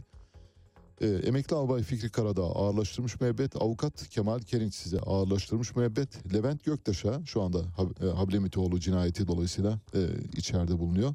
23 yıl. Emekli albay istihbaratçı Atilla Uğur'a 29 yıl, gazeteci Merdan Yanardağ 10 yıl, internet andıcı sanıklarından Tuamiral Alaaddin Sevim'e 10 yıl, Genelkurmay İstihbarat Eski Daire Başkanı İsmail Hakkı Pekin'e 7,5 yıl, mafyacı, mafya üyesi Drejali'ye, Drejali Ali Yasa 6 yıl, emekli Koramiral Mehmet 31oğlu'na 20 yıl, Tuğgeneral Hıfzı Çubuklu Genelkurmay Hukuk İşleri Başkanıydı bildiğiniz gibi 9 yıl, Oktay Yıldırım'a 33 yıl, Akın Birdal suikastinin azmettiricisi Semih Tufan Gülaltı'ya 12 yıl, emekli albay Arif Doğan'a 47 yıl, emekli yarbay Mustafa Dönmez'e 49 yıl, Milli Güvenlik Kurulu Genel Sekreteri Tuncer Kılınç'a 13 yıl. Tuncer Kılınç'ı nereden hatırlıyoruz? Türkiye yönünü doğuya dönmelidir. Artık batıyla ittifakını bitirmelidir dediği için NATO tarafından cezalandırıldı. Zaten Ergenekon davasının tamamı Türkiye'ye karşı Fethullah Gülen ve arkadaşları tarafından kurulmuş bir kumpastır. Bu kumpasın organizatörü NATO'nun kendisidir bizatihi. Şeyp tarafından yönetilmiştir söylüyorum. Yani buradan zaten sadece şu Tuncer Kılınç örneğinden bile çıkarak üzerine kitap yazılabilir net söylüyorum. E, Teğmen Noyan, Noyan Çalıkuşu'na 8 yıl, e, emekli e, binbaşı Serdar Öztürk'e 25 yıl, Doğu Perinçek'in oğlu Mehmet Perinçek'e 6 yıl, Adli tıp uzmanı Ümit Sayın'a 4 yıl, YÖK Başkanı Kemal Gürüz'e 13 yıl, Sedat Peker'e 10 yıl, e, mafyacı, mafya üyesi Sami Hoştan'a 10 yıl, İnönü Üniversitesi Rektörü Fatih Hilmioğlu'na 23 yıl, e, İstanbul Üniversitesi eski rektörü Kemal Alemdaroğlu'na 15 yıl, 19 Mayıs Üniversitesi Rektörü Profesör Ferit Berna'ya 10 yıl, Uludağ Üniversitesi Rektörü Mustafa Yurtkuran'a 10 yıl, Anayasa Mahkemesi üyesi Osman Paksüt'ün tutuksuz yargılanan eşi Ferda Paksüt'e 2 yıl, eski Emniyet Müdürü Adil Serdar Saçan'a eski istihbarat müdürüydü aynı zamanda bildiğiniz gibi. 14 yıl İşçi Partisi Genel Başkan Yardımcısı Ferit İlsever'e 15 yıl. Danıştay sanığı Osman Yıldırım'a hem tanık hem sanık bu arada. Osman Yıldırım'a 8 yıl. Profesör Erol Manisalı'ya 9 yıl. Emekli Orgeneral Kemal Yavuz'a 7 yıl. Gazeteci Adnan Bulut'a 6 yıl. Gazeteci Vedat Yener'e 7, 7 yıl. Cumhuriyet Gazetesi'ne Molotov saldırısında bulunan Bedir Şinal'a 18 yıl. Bedir Şinal'ı ben tanırım. Sıradan bir pazarcıydı. Benim pazarcım da ayrıca. Aydınlık Gazetesi Genel Yayın Yönetmeni Serhan Bollu'ya 7 yıl. İşçi Partisi Genel Başkan Yardımcısı Turan Özlü'ye 9 yıl. Gazeteci Güler Kömürcü'ye 7 yıl. E, Gazeteci yazar Ergün Poyraz'a 29 yıl. İşçi Partisi avukatlarından Emcet Olcaytu'ya 13 yıl, Fatma Cengiz'e 11 yıl, emekli binbaşı Fikret Eme'ye 41 yıl, eski Esenyurt Belediye Başkanı Gürbüz Çapan'a 1 yıl, İşçi Partisi yazarı Hikmet Çiçek'e 21 yıl, İşçi Partisi yöneticisi Hayrettin Ertekin'e 12 yıl, eski Ülke Ocakları Başkanı Levent Temiz'e 10 yıl, Boğaç Kaan Muratan'a 17 yıl, e, bildiğiniz gibi Sedat Peker'in korumalarından yakın arkadaşlarından biri, İşçi Partisi yöneticisi Adnan Akfırat'a 19 yıl ve geliyoruz. Hazır mısınız? Teğmen Mehmet Ali Çelebi'ye 16 yıl hapis cezası verildi. Aydınlık Dergisi Genel Yayın Yönetmeni Deniz Yıldırım'a 16 yıl. Gazeteci Ünal İnanç'a 19 yıl. Avukat Nusret Tenem, Senem'i de 20 yıl hapis cezası verildi. Şimdi telefon bağlantısı saatimize geldik. Telefon bağlantısından sonra Ergenekon dosyasına kaldığımız yerden devam edeceğiz. Bu Ergenekon dosyasında paylaştığımız bilgilerin hani nereden nereye, dün neydi bugün neydi sorusuna yanıt arıyorsanız mesela Mehmet Ali Çelebi'nin e, örneğinden yola çıkarak bulabilirsiniz. Levent Göktaş örneğinden yola çıkarak bulabilirsiniz. Davanın hem sanı hem gizli tanı olan Osman Yıldırım'dan yola çıkarak bulabilirsiniz. O kadar karmaşık, o kadar akıl almaz bilgi ve bulgularla dolu bir davaydı ki, davalar bütünüydü ki bugün geriye dönüp baktığımızda hukukun yer ile yeksan edildiğini görüyoruz maalesef. Hukukun olmadığı bir dönemden bahsediyoruz. Şu anda hukuk var mı yok mu ondan çok emin değiliz ama en azından bugün bazı zeminlerde haklarınızı ifade edebiliyorsunuz. Örneğin Montreux bildirisine imza koyanlar, koyan 104 general ve amiral dün beraat etti. Umarız 28 Şubat e, davasından 488 gündür cezaevinde bulunan biri cezaevinde hayatını kaybeden general ve amiraller de beraat ederler diye düşünüyoruz. Geldik asgari ücret konuşacağız. Hayat memat meselesi malum. Asgari ücret tespit komisyonu dün 3. toplantısını yaptı ve Türk İş Genel Başkanı 9 bin liranın altına inmeyiz. Kırmızı çizgi koydu. Daha önce Türk İş Genel Başkanı'nın kırmızı çizgisi 7785 liraydı yani açlık sınırıydı.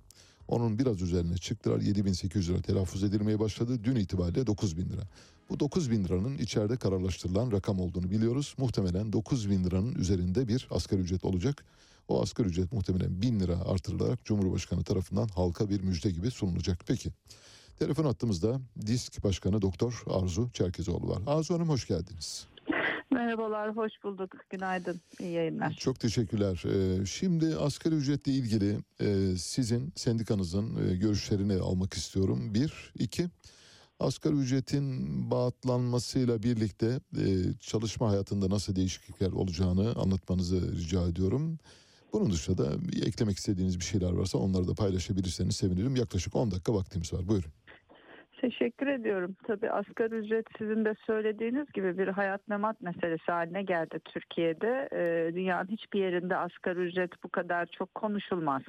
Ee, fakat Türkiye'de en önemli gündemlerden bir tanesi. Her yıl özellikle son dönemlerde biz asgari ücreti çokça e, gündemli olarak geçiyoruz. Çünkü Evet. gerçekten asgari ücret dediğimizde sembolik bir ücreti değil ortalama ücreti konuşuyoruz. Ee, Türkiye'de çalışanların yarısından fazlası asgari ücret ve civarında bir ücretle çalışıyor ve e, özellikle sendikalaşmanın önünde engeller olması, sendikalı işçi sayısı, toplu iş sözleşmesi kapsamındaki işçi sayısı ne kadar düşükse bir ülkede asgari ücrette çalışanların oranı o kadar yükselir ve Türkiye'de de biz bunu yaşıyoruz. E, bütün mesela Avrupa Birliği ülkelerinde asgari ücrette çalışanların oranı yüzde üçler, dörtler üzerindeyken bizde bu oran e, yüzde ellinin üzerine çoktan çıktı. Dolayısıyla gerçekten memleket meselesi.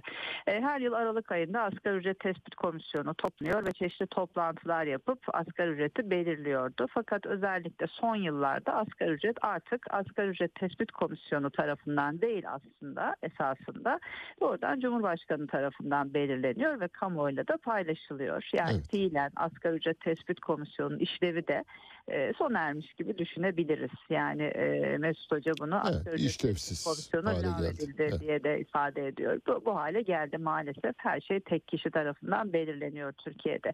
Bugün asgari ücretin nasıl olması gerektiğine dair biz disk olarak her yıl asgari ücret tespit komisyonu masasında olmasak da e, açıkladığımız raporlarla bilimsel temeller eşliğinde asgari ücrete ilişkin önerilerimizi, rakam önerimizi, politikalarımızı anlatıyoruz. Her şeyden önce asgari ücretin neye göre ve hangi kriterlerle belirlenmesi gerektiği önemli Ali Bey. O da şudur.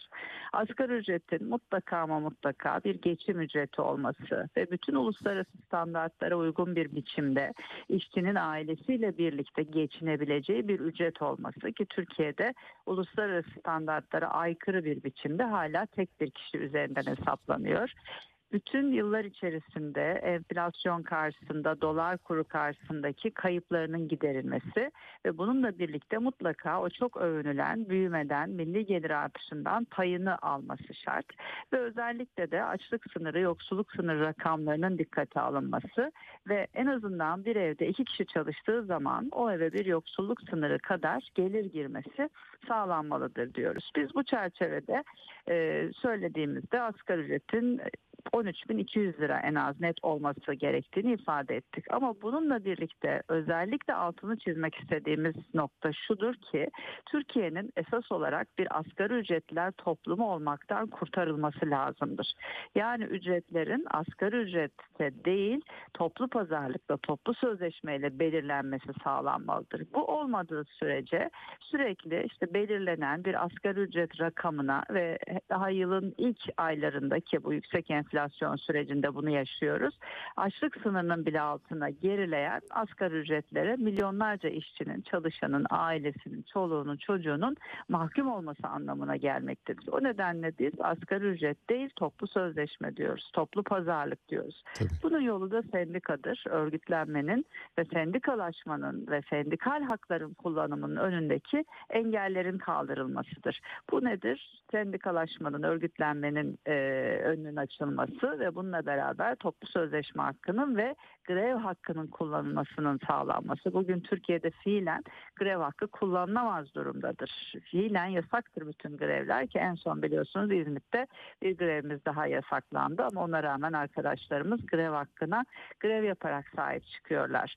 E, dolayısıyla burada temel mesele Türkiye'nin iki şeyden kurtarılmasıdır bu konuda Ali Bey. Birincisi evet Türkiye'nin bir asgari ücretliler toplumu olmaktan kurtarılması lazım. İkincisi de Türkiye'nin şu an içine girdiği iktidarın politikalarının sonucu olarak yaşadığımız bu yüksek enflasyon sarmalından kurtarılması lazımdır. Yoksa asgari ücret ne kadar belirlenirse belirlensin.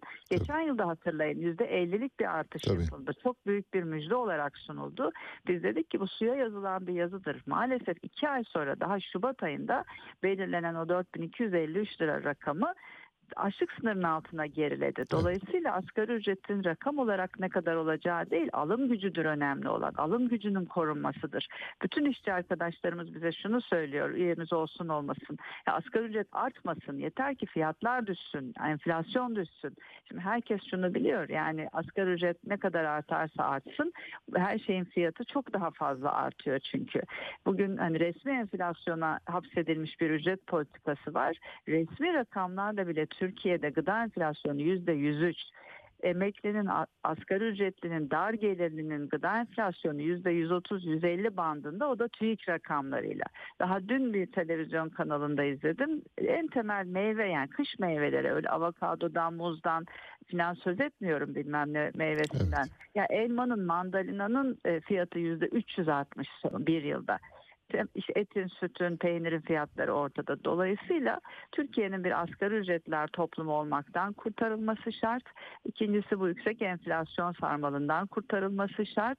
Ve tabii ücretlerin de asgari ücret olarak değil toplu pazarlıkta belirlenmesi ve bu yüksek enflasyon devam ettiği sürece yani tek haneli rakamlara düşene kadar e, enflasyon asgari ücretinde yılda dört kez değerlendirilmesi gerektiğini ifade ediyoruz. E, bu rakamlar evet dün üçüncü toplantı yapıldı. Büyük bir beklentiye de sokuldu kamuoyu. Hatta netleşecek, açıklanacak dedi Çalışma Bakanı. Ama e, ardından işte Türk İş Başkanı'nın bir açıklaması oldu. Şimdi ne olacağı belirsiz. Yani herkes bekliyor. Cumhurbaşkanının açıklayacağı söyleniyor. Oysa Asgari Ücret Tespit Komisyonu kararı komisyonun başkanı tarafından Tabii. açıklanır. Komisyonun başkanı da yönetmeliğe göre komisyonun başkanı da Çalışma Bakanı bile değil Çalışma Genel Müdürüdür. Evet. Ama şu an e, bütün Tabii. tabii işleyiş e, fiili bir biçimde yürütüldüğü için şu an e, Cumhurbaşkanlığından gelecek bir haber bekleniyor. Bütün Türkiye, bütün emekçiler bunu bekliyor şu anda. Bu noktada da şunu ifade etmek isterim zamanım varsa bir Var, var tabii, Gerçekten tabii. asgari ücret e, çok somut ve çok gerçek bir mesele. Yani deyim yerindeyse memleket meselesi. Milyonlarca işçinin ve ailesinin, çoluğunun, çocuğunun e, yaşamı ile ilgili çok somut bir gerçeklikten söz ediyoruz. Yani her gün işe gitmek için evden çıkan bir işçinin hayatından söz ediyoruz. Çocuğuna verdiği 10 lira harçlığı 15 lira yapabilmesinden söz ediyoruz. Evine aldığı 3 ekmeği 5 ekmek yapabilmesinden söz ediyoruz. Yani bu kadar somut ve gerçek bir sorundan söz ediyoruz. Konudan söz ediyoruz. Asgari ücret hiçbir sürece hele hele de seçim süreçlerine malzeme yapılamayacak kadar somut ve gerçek bir konudur. Yani şu an özellikle seçime gidilen bir Türkiye'de asgari ücretin e, bu anlamda bir seçim malzemesi yapılması da asla kabul edilebilecek bir durum değil.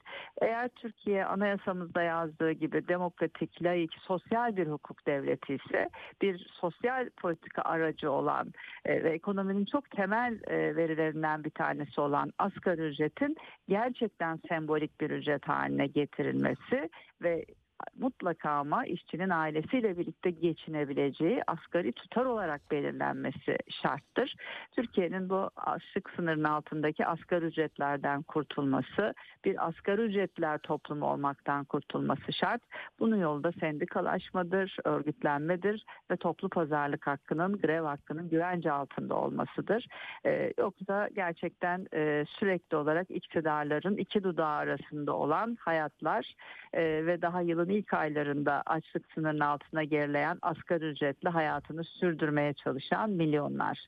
E, bugün Türkiye'de üniversite mezunu gençlerimiz bile asgari ücretle işbaşı yapıyor. Yani böyle bir ülke haline geldi Türkiye. Temel meselemiz bunun değiştirilmesidir. Çok teşekkürler e, katıldığınız için. Disk Genel Başkanı Doktor Arzu Çerkezoğlu'yla asgari ücret konusunu konuştuk. E, zaten süreç Osman Kavala'nın tutukluluğunun sürdürülmesi üzerine kurulmuş. Aynen. Bu tutukluluk devam etmesi için hukuka karşı verilen bir mücadele haline girmiş durumda. Merkez Bankası'nın son aylarda izlemiş olduğu para politikası doğrudan enflasyonda bu sıçramaya yol açtı. E, yani ve de, devamı da gelecek. ülkeyi aslında öyle yönetiyorlar ki adeta koca bir survivor oyunu gibi. Bugün için önemli olan husus Türkiye'de bu sistemin değişmesidir. Bu sistem yani Cumhurbaşkanlığı hükümet sistemi Evet. maalesef uygulama aşamasında kağıt üzerinde durduğu gibi durmadı. Ali Çağatay'la Seyir Hali hafta içi her sabah 7 ile 9 arasında Radyo Sputnik'te. Evet, şimdi Ergenekon dosyasına kaldığımız yerden devam ediyoruz. Ergenekon dosyasının bir yamalı bohça olduğunu biraz önce işaret ettik zaten. Ayşe Eldiven Yakamoz, e, irtica eylem planı, e, Danıştay saldırısı gibi birbiriyle ilintili olan olmayan bütün davaların bir torba içine katılarak ve o torbanın içine de ilgili ilgisiz birbiriyle bağıntısı olan olmayan e, sanıkların katılmasıyla ortaya çıkarılan büyük bir bohçadan bahsediyoruz. Bu bohça 2004 yılında e, dürülmeye başlandı ve 2008 yılında ilk dava açıldı. 2016 yılında da ilk e, bozma kararları geldi. Dolayısıyla aradan geçen zaman zarfında tabii bunları böyle hızla geçiyoruz ama düşünün 2008'den 2016'ya kadar 6-7 yıl içeride yatmış olan insanlar var. İnsanların hayatları karardı. Ergenekon davası özel yetkili mahkemelerin kaldırılması, sanıkların uzun tutukluk süreleri nedeniyle Anayasa Mahkemesi'ne bireysel başvuruda bulunması sonucunda Anayasa Mahkemesi sanıkların haklarının ihlal edildiğine karar verdi. İlk işaret buydu. Bu karardan sonra sanıklar nöbetçi mahkemeler tarafından birer birer tahliye edilmeye başlandı. 2015'ten itibaren davanın temiz incelemesini yapan Yargıtay 16. Ceza Dairesi, 2016'da İlker Başbuğ'un Yüce Divan'da yargılanması gerektiği Danıştay saldırısı davasıyla Ergenekon davası arasındaki hukuki ve fiili irtibatın somul delil- delillerle gösterilmemesi, yerel mahkemenin adil yargılanma ilkelerine aykırı tutum sergilemesi, hukuka aykırı dinlemeler, gizli tanık beyanları, MİT mensuplarının izinsiz dinlenmesi, aramaların hukuka aykırı yapılması, iddia edilen Ergenekon terör örgütünün varlığına ilişkin somut delil bulunmaması gibi gerekçelerle bozuldu. 13. Ağır Ceza Mahkemesi tarafından bozuldu. Gerekçenin uzunluğuna dikkat ettiyseniz yani bu kadar çok olumsuz ve tutarsız konunun bir araya gelmesiyle tek bir dava oluşturulmuş. Sonradan davayı mesela çekişle vuruyorsunuz darmadağın oluyor. Yani bir parçasını bulamıyorsunuz. İş bu noktada. Bir de Poyrazköy davası var. Poyrazköy davası e, 2010'da e, açıldı. Ve ilk duruşma Beşiktaş İstanbul Adliyesi'nde yapıldı. Poyrazköy davası da bir torba. Orada da çok sayıda davayı getirip iç içe koydular. Bunlardan bir tanesi amirallere suikast davasıydı. Amirallere suikast davasının 19 sanığı vardı. Sanıklardan bir tanesi Yarbay Ali Tatar'dı. Ali Tatar intihar etti Ali Tatar'ın intihar mektubunu Ali Tatar 19 Aralık 2009'da intihar etti. Buna dayanamam dedi. Ali Tatar amirallere suikast gerekçesiyle tutuklanmıştı. Ali Tatar'ın cenaze törenine kendisine suikast düzenleneceği iddia edilen amirallerden Orgen, Oramiral Eşref Uğur Yiğit de dahil olmak üzere pek çok kimse katılmıştı. Yani kendisine suikast düzenleneceği iddia edilen amirallerin neredeyse tamamı orada tam kadro bulundular. Dolayısıyla davanın iler tutar bir yanı olmadı ortaya çıktı. Yine bu dava kapsamında Poyrazköy davasında 33 sanıklı bir kafes davası vardı. O da bunun içine katıldı. Ee, Deniz Kuvvetlerinden Koramiral Deniz Cora ve Albay Ümit Metin hakkında hazırlanan bir iddianame vardı. O da bunun içine katıldı. Çağdaş Yaşamı Destekleme Derneği ve Eğitim Vakfı'nın yöneticileri de bu davanın içine katıldı. Poyrazköy'ün içine. Orada da Türkan Saylan yargılandı bildiğiniz gibi. Türkiye'ye olağanüstü hizmetler etmiş. Türkiye'yi sadece mesela sadece sadece lepra ile mücadelesinden dolayı alıp baş köşeye oturtmamız gereken Türkan Saylan tek başına lepra ile mücadele eden hekimden bahsediyoruz. Çok acılı günler geçirdi. Kanser hastasıydı aynı zamanda. Agos gazetesi sanıklarda gazete abonelerinin listesinin ele geçirildiği gerekçesiyle müdahillik talebinde bulundu. Şimdi bakın mesela aynı Agos gazetesine bugün gitseniz deseniz ki ya böyle bir dava var buna müdahale olur musunuz? Tabii ki olmayız diyecekler ama o gün öyle kurgulandı ki o kadar büyük bir mimari gerçekleştirildi ki o kadar büyük bir propaganda aracı kullanıldı ki FETÖ tarafından herkes buna inandırıldı. İşte bir davada mesela Alevi Bektaşi dernekleri gelip askerlere karşı müdahil oldular. Burada da Agos gazetesi gidip askerlere karşı bizim bilgilerimiz elde, ellerinde bulunuyor diye ab- abone bilgilerimiz ellerinde diye onlar da müdahil olabiliyorlar. Pek çok davaya Cumhurbaşkanı'nın kendisi dönemin başbakanı pek çok davaya keza hükümet pek çok davaya çok sayıda ileri gelen müdahil olma talebinde bulunmuş ve kabul edilmiştir maalesef. Planın ayrıntılarına göre Poyrazköy ayrıntılarında gayrimüslimlere yönelik çeşitli suikast, kundaklama, tehdit faaliyetleri, Koç Müzesi'nde sivillere yönelik sansasyonel bir bombalama eylemi bulunduğu iddia edildi. Koç Müzesi'nde bulunan TNT kalıplarıyla planlanan bombalama eylemi de bu çerçevede değerlendirildi. Eylem planının Yarbay Ercan Kireçtepe tarafından hazırlandığı ve Koramiral Kadir Sadıç yönetimindeki hücreler tarafından icra edileceği ileri sürüldü. Poyrazköy'de birleştirilen ve amirallere suikast olarak bilinen davanın sanıkları Ergenekon'un karargah evleri yapılanmasında yer almak, uyuşturucu madde bulundurmak, kişisel verileri hukuka aykırı olarak kaydetmek gibi suçlamalarla yargılanıyorlardı. Ancak 2015'te Ekim ayında 84 sanıklı davada tamamının beraatine karar verildi. Tıpkı 104 amiral ve generalin davasında olduğu gibi. Bir de Poyrazköy ile ilgili diğer küçük notlar da var. Mesela irtica eylem planının Erzincan'da uygulandığı iddiası var. Erzincan'da neden uygulandığı iddia edildi. Çünkü İliç altın madenleri Erzincan'daydı. Erzincan'da savcı kimdi? İlhan Cihaner'di. İlhan Cihaner bir başka savcı tarafından makamında. Cumhuriyet tarihinde ilk defa oldu bu. Canlı yayında gözaltına alındı ve tutuklandı. Dolayısıyla altın madeni üzerinde bir kapışma vardı. Fethullah Gülen ve e, arkadaşları altın madenine konmak için davanın ergen irtica ile eylem planının Erzincan'dan ve Erzincan'da oradaki ordu komutanı kolordu komutanlığının da yargılandı. İlhan Cihaner'in de yargılandığı bir davaya dönüştürüldü. İlhan Cihaner soruşturma kapsamında 2010'da tutuklandı. Sonra tahliye edildi.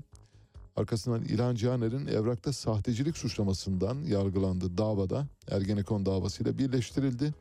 Ve hemen akabinde 2015'te İlhan Cihaner ve eski 3. Ordu Komutanı Saldıray Berk'in de aralarında bulunduğu sanıkların tamamı hakkında beraat kararı verildi. Nasıl? Saldıray Berk bildiğiniz gibi e, şöyle bir girişimde bulunmuştu. Şöyle bir karşı çıkışta bulunmuştu. Tutuklamaya gidecekleri zaman Cihaner'i tutukladılar. Saldıray Berk de ikinci sıradaydı. Aynen şöyle haber gönderdi. Dedi ki tabii bu tevatür bilmiyoruz. Böyle bir iddia ağzından çıkıp çıkmadığını bilmiyoruz ama öyle konuşuldu. Beni tutuklayacak olanlara söylüyorum. İki silahım da dolu. Sonuna kadar kullanırım ve vurursanız benim cesedimi alırsınız demişti ve gidemediler. Evet. Yani zor bazen oyunu bozuyor. İşte mesela burada örneğin biraz böyle hafif diş göstermiş olsalardı böyle paşa paşa tıpış tıpış valizlerini hazırlayıp gitmemiş olsalardı muhtemelen iş bu noktaya gelmeyebilirdi. Çünkü o zaman kamuoyu infial haline geçiyordu. Saldıray belki tutuklayamadılar. Yani Saldıray Berk'in üzerine gidemediler. İki silahım da dolu. Geleni son kurşunuma kadar vururum ve ancak benim cesedimi alırsınız demişti. Gidemediler. 2011'de kabul edilen bir iddianame ile Yalçın Küçük, Barış Pehlivan, Barış Terkoğlu ve huzurlarınızda Nedim Şener, Kaşif Kozunoğlu cezaevinde hayatını kaybetti bildiğiniz gibi. Ahmet Şık, Sait Çakır, Hanife Avcı, İklim Bayraktar, Soner Yalçın, Müyesser Yıldız, Doğan Yurdakul, Mümtaz İdil, Coşkun Muslu'nun da aralarında yer aldığı 14 sanıklı Oda TV davası açıldı. 2011'de Soner Yalçın, Barış Pehlivan, Barış Terkoğlu, arkasından Müyesser Yıldız, Doğan Yurdakul, Coşkun Musluk, Sait Çakır, Nedim Şener ve Ahmet Şık ve Kaşif Kozunoğlu devrimci karargah soruşturmasından tutuklu bulunan Emniyet Müdürü Hanife Avcı, Oda TV davası kapsamında tutuklan. Burada da bir torba yaptılar. Herkesi o torbanın içine attılar. Yani bir dava açıyoruz. Bari çok sanıklı gözüksün diye şuradan buradan irtibatlarına bakmadan herhangi bir iltisak olup olmadığına bakmadan o torbanın içine attılar. Ergenekon davalarının genel karakteri budur. Az sayıda sanıkla açıyorsunuz o torbanın içine başka sanıkları katıyorsunuz. İlgisi var mı yok mu hiç önemli değil. Koyuyorsunuz çünkü biz yaptık oldu noktasındaydı. Bu arada Kaşif Kozinoğlu bir MİT mensubuydu. Çok ahlaklı, yüksek karakterli bir e, kamu görevlisi olduğu bilinir, öyle söylenir ve cezaevinde hayatını kaybetti kalp kriziyle. 2017'de İstanbul 18. Ağır Ceza Mahkemesi'nde görülen duruşma sonucunda tüm Oda TV sanıkları beraat etti. 2012'de eski Adalet Bakanı Seyfi Oktay'ın da aralarında bulunduğu 11 sanıklı adil yargılamayı etkileme davanın adındaki güzelliğe bakın şimdi adil yargılamayı etkileme yani her şey çok güzel bir tek adil yargılanma konusu var ortada işte onu çözemedik bu yüzden Seyfi Oktay'ı hakkında dava açtılar. Seyfi Oktay bildiğiniz gibi işte çok tartışmalı bir Adalet Bakanlığı yapmıştır. Alevileri daha çok adalet kadrolarına yerleştirdiği öne sürülmüştür. Bu sebepten dolayı da Fethullah Gülen cemaatinin husumetini üzerinde toplamış bir Adalet Bakanıydı. 2016'da bir duruşma yapıldı ve isnat edilen bütün suçlamalardan beraat etti. Kim? Seyfi Oktay ve o davada yargılananlar. Haziran 2012'de Malatya İl Jandarma Alay Komutanı Mehmet Ülger'in de aralarında bulunduğu 19 sanıklı 3 Hristiyanın öldürüldüğü bildiğiniz gibi boğazları kesilerek öldürülen e, Hristiyan vatandaşlarımızdan bahsediyoruz. Zirve katliamı diye biliniyor. Zirve katliamı ile ilgili olarak Albay Mehmet Ülger suçlanıyordu. Yargılamalar sonunda 2016'da mahkeme ikinci ek iddianameyi hazırlayan savcıların meslekten ihraç edildiğini göz önüne alarak, yargılamayı yapan hakimlerin meslekten ihraç edildiğini yine göz önüne alarak, Fethullahçı terör örgütü kapsamında tutuklanan kişilerin gizli tanıklarda dahil olmak üzere suç uydurdukları ortaya çıkınca hepsi hakkında beraat kararı verildi. Böylece Ergenekon şu anda temize çıkarılmış durumda. Bu tür olağanüstü yargılamaların maalesef hayatımızda çok büyük infiallere yol açtığını biliyoruz. Şimdi size Ergenekon dosyasını paylaştık. bir uçak kaçırma davası vardı. Onu da paylaşmak istedik ama vaktimiz yetmeyecek. Bölük pörçük olmasın diye. Türkiye bir uçak kaçırma cennetine dönüştü söylüyoruz. Elimde kaçırılan, son olarak kaçırılan, İran'a kaçırılan bir uçağın bütün bilgileri var. Uçuş bilgileri, manifestosu, uçuş personelinin bilgileri, rotası ve ha- havalimanlarında verilen izinler dahil olmak üzere her şey şu anda dosyayla elimin altında bulunuyor. Bunu yarın paylaşacağım. Bir de bir melatonin var. Melatonin bildiğiniz gibi mutluluk hormonu, uykuda salgılanan mutluluk hormonu. İnsanlar e, uyuyamayanlar işte ya da uykusu kaçanlar ya da rahat uyuyamayan insanlar melatonine sığınıyorlar. Oysa melatonin doğal olarak salgılandığı zaman zaten e, herhangi bir şekilde başka bir şeye ihtiyacınız olmaz ama melatonin bir furya halinde bir reklam kampanyasıyla melatonin kullanın diye oradan buradan sesler çıkınca şimdi bir melatonin pazarı ortaya çıktı ve melatonin pazarını muhtemelen AK Parti'ye yakın bir isim için melatoninin eczaneler dışında satılmasına izin verildi. Marketlerde, bijuterilerde, kozmetikçilerde her yerde yani aklınıza işportada her yerde satılabiliyor melatonin. Yani dehşet verici bir şey. Yani bir tıpla ilgili, insan sağlığı ile ilgili bir şey mezata düşmüş durumda. Bununla ilgili dosyayı da yarın paylaşalım. Küçük birkaç haber var. Onları aktaralım. E, Messi Dünya Kupası'yla ilgili ba- paylaştığı fotoğraf dolayısıyla 56 milyon beğeni aldı Instagram'da ve Instagram tarihinin en fazla beğeni toplayan mesajı oldu. Rekabet Kurumu Coca-Cola'ya 272 milyon lira idari para cezası verdi. Bu haberin ayrıntılarını yarın sizinle paylaşacağım. Bugün üzerinden geçiyorum sadece. Bir izleyicimiz şöyle bir şey yazmış bence önemli. Diyor ki Ali Bey, her sabah radyoda ilgiyle takip ediyorum sizi. Çalıştığım firma ihracat ve ithalat yapmakta. Gümrüklerde şu an müthiş bir müfettiş denetimi var. İthal edilen her mal analize gönderiliyor. Bunun da anlamı 10-15 gün süre içinde bizim yorumumuz yeni harçlar uygulamak ve ayrıca ithalatı 10-15 gün sıfırlayarak cari açı azaltmak. Şimdi cari açık patladı gidiyor. Cari açı hiç değilse ayın geri kalan bölümünde sonlandırmak için ithalat izinlerini zamana yayıyorlar. İthalat izinlerini vermiyorlar. Gümrükteki mallar bekliyor. Dolayısıyla ne kadar az ithalat olursa ayın 15'i yani 15 gün için az ithalat dolayısıyla hem cari açığa hem de dış ticaret açığına negatif yansıması olacak. Bu yüzden böyle bir çaba içinde gözüküyorlar diyor. Ben de katılıyorum. Amerika Taliban'ın kızların üniversite eğitimine askıya almasının sonuçları olacak diye bir bildiride bulundu. Amerikan Dışişleri Bakanlığı'nın sözcüsü Ned Price, Afganistan'da Taliban'ın ikinci bir duyuruya kadar üniversitelerde kız öğrencilerin eğitimini askıya almasının kabul edilemez olduğunu ve Amerika'nın bunu yaptırımlarla karşılık vereceğini buna bildirdi. Ned Price günlük basın toplantısında Taliban'ın Afganistan'da kızların üniversite eğitimini askıya almasına ilişkin kararının Afgan nüfusunun yarısını yüksek eğitimden mahrum bırakacağını vurguladı. Şimdi mesela hani bozacı şıracı diyoruz ya yani iyi polis kötü polisi oynuyor Amerika Birleşik Devletleri. Afganistan'ı bu duruma getiren sizsiniz. Afganistan'da kadınların kırbaçlanmasına sebep olan sizsiniz. Afganistan'da kadınların ırzına geçirmesine sebep olan sizsiniz. Şimdi kalkıp Afganistan'da kadınların haklarının, okuma haklarının ihlal edilmesinden bahsediyorsunuz. Hani buna kargalar bile güler demek lazım ama maalesef Amerika Birleşik Devletleri böylesi propagandalarla dünyaya mesaj veriyor. Biz Afganistan'daki kadınların okuma haklarına sahip çıkıyoruz. Kadınların hayatlarını alt üst ettiniz. Hayatlarını alt üst ettiniz. Elon Musk işi üstlenecek kadar aptal birini bulur bulmaz CEO'luktan istifa edeceğim diyor. Bildiğiniz gibi bir anket yaptı. Bu ankete katılan 17 milyon kişi katıldı ankete ve 17 milyonun %57'si bırak dediler. Geri kalanın devam et dediler. Bunun üzerine Elon Musk tamam dedi bırakacağım ancak yerime aptal birini bulabilirsem diyor. Bu da yaptığı işin aptalca olduğunu ifade ediyor gibi olmakla birlikte aslında bu işi herkes yapar anlamına gelen bir söz olduğunu da söyleyebiliriz. Evet burada noktalayabiliriz artık. Çünkü müzikte size biraz fazla zaman ayıralım istiyoruz. Fazla müzik olsun istiyoruz. Betelenme ile size veda edeceğiz. Kendisi bir frankofon.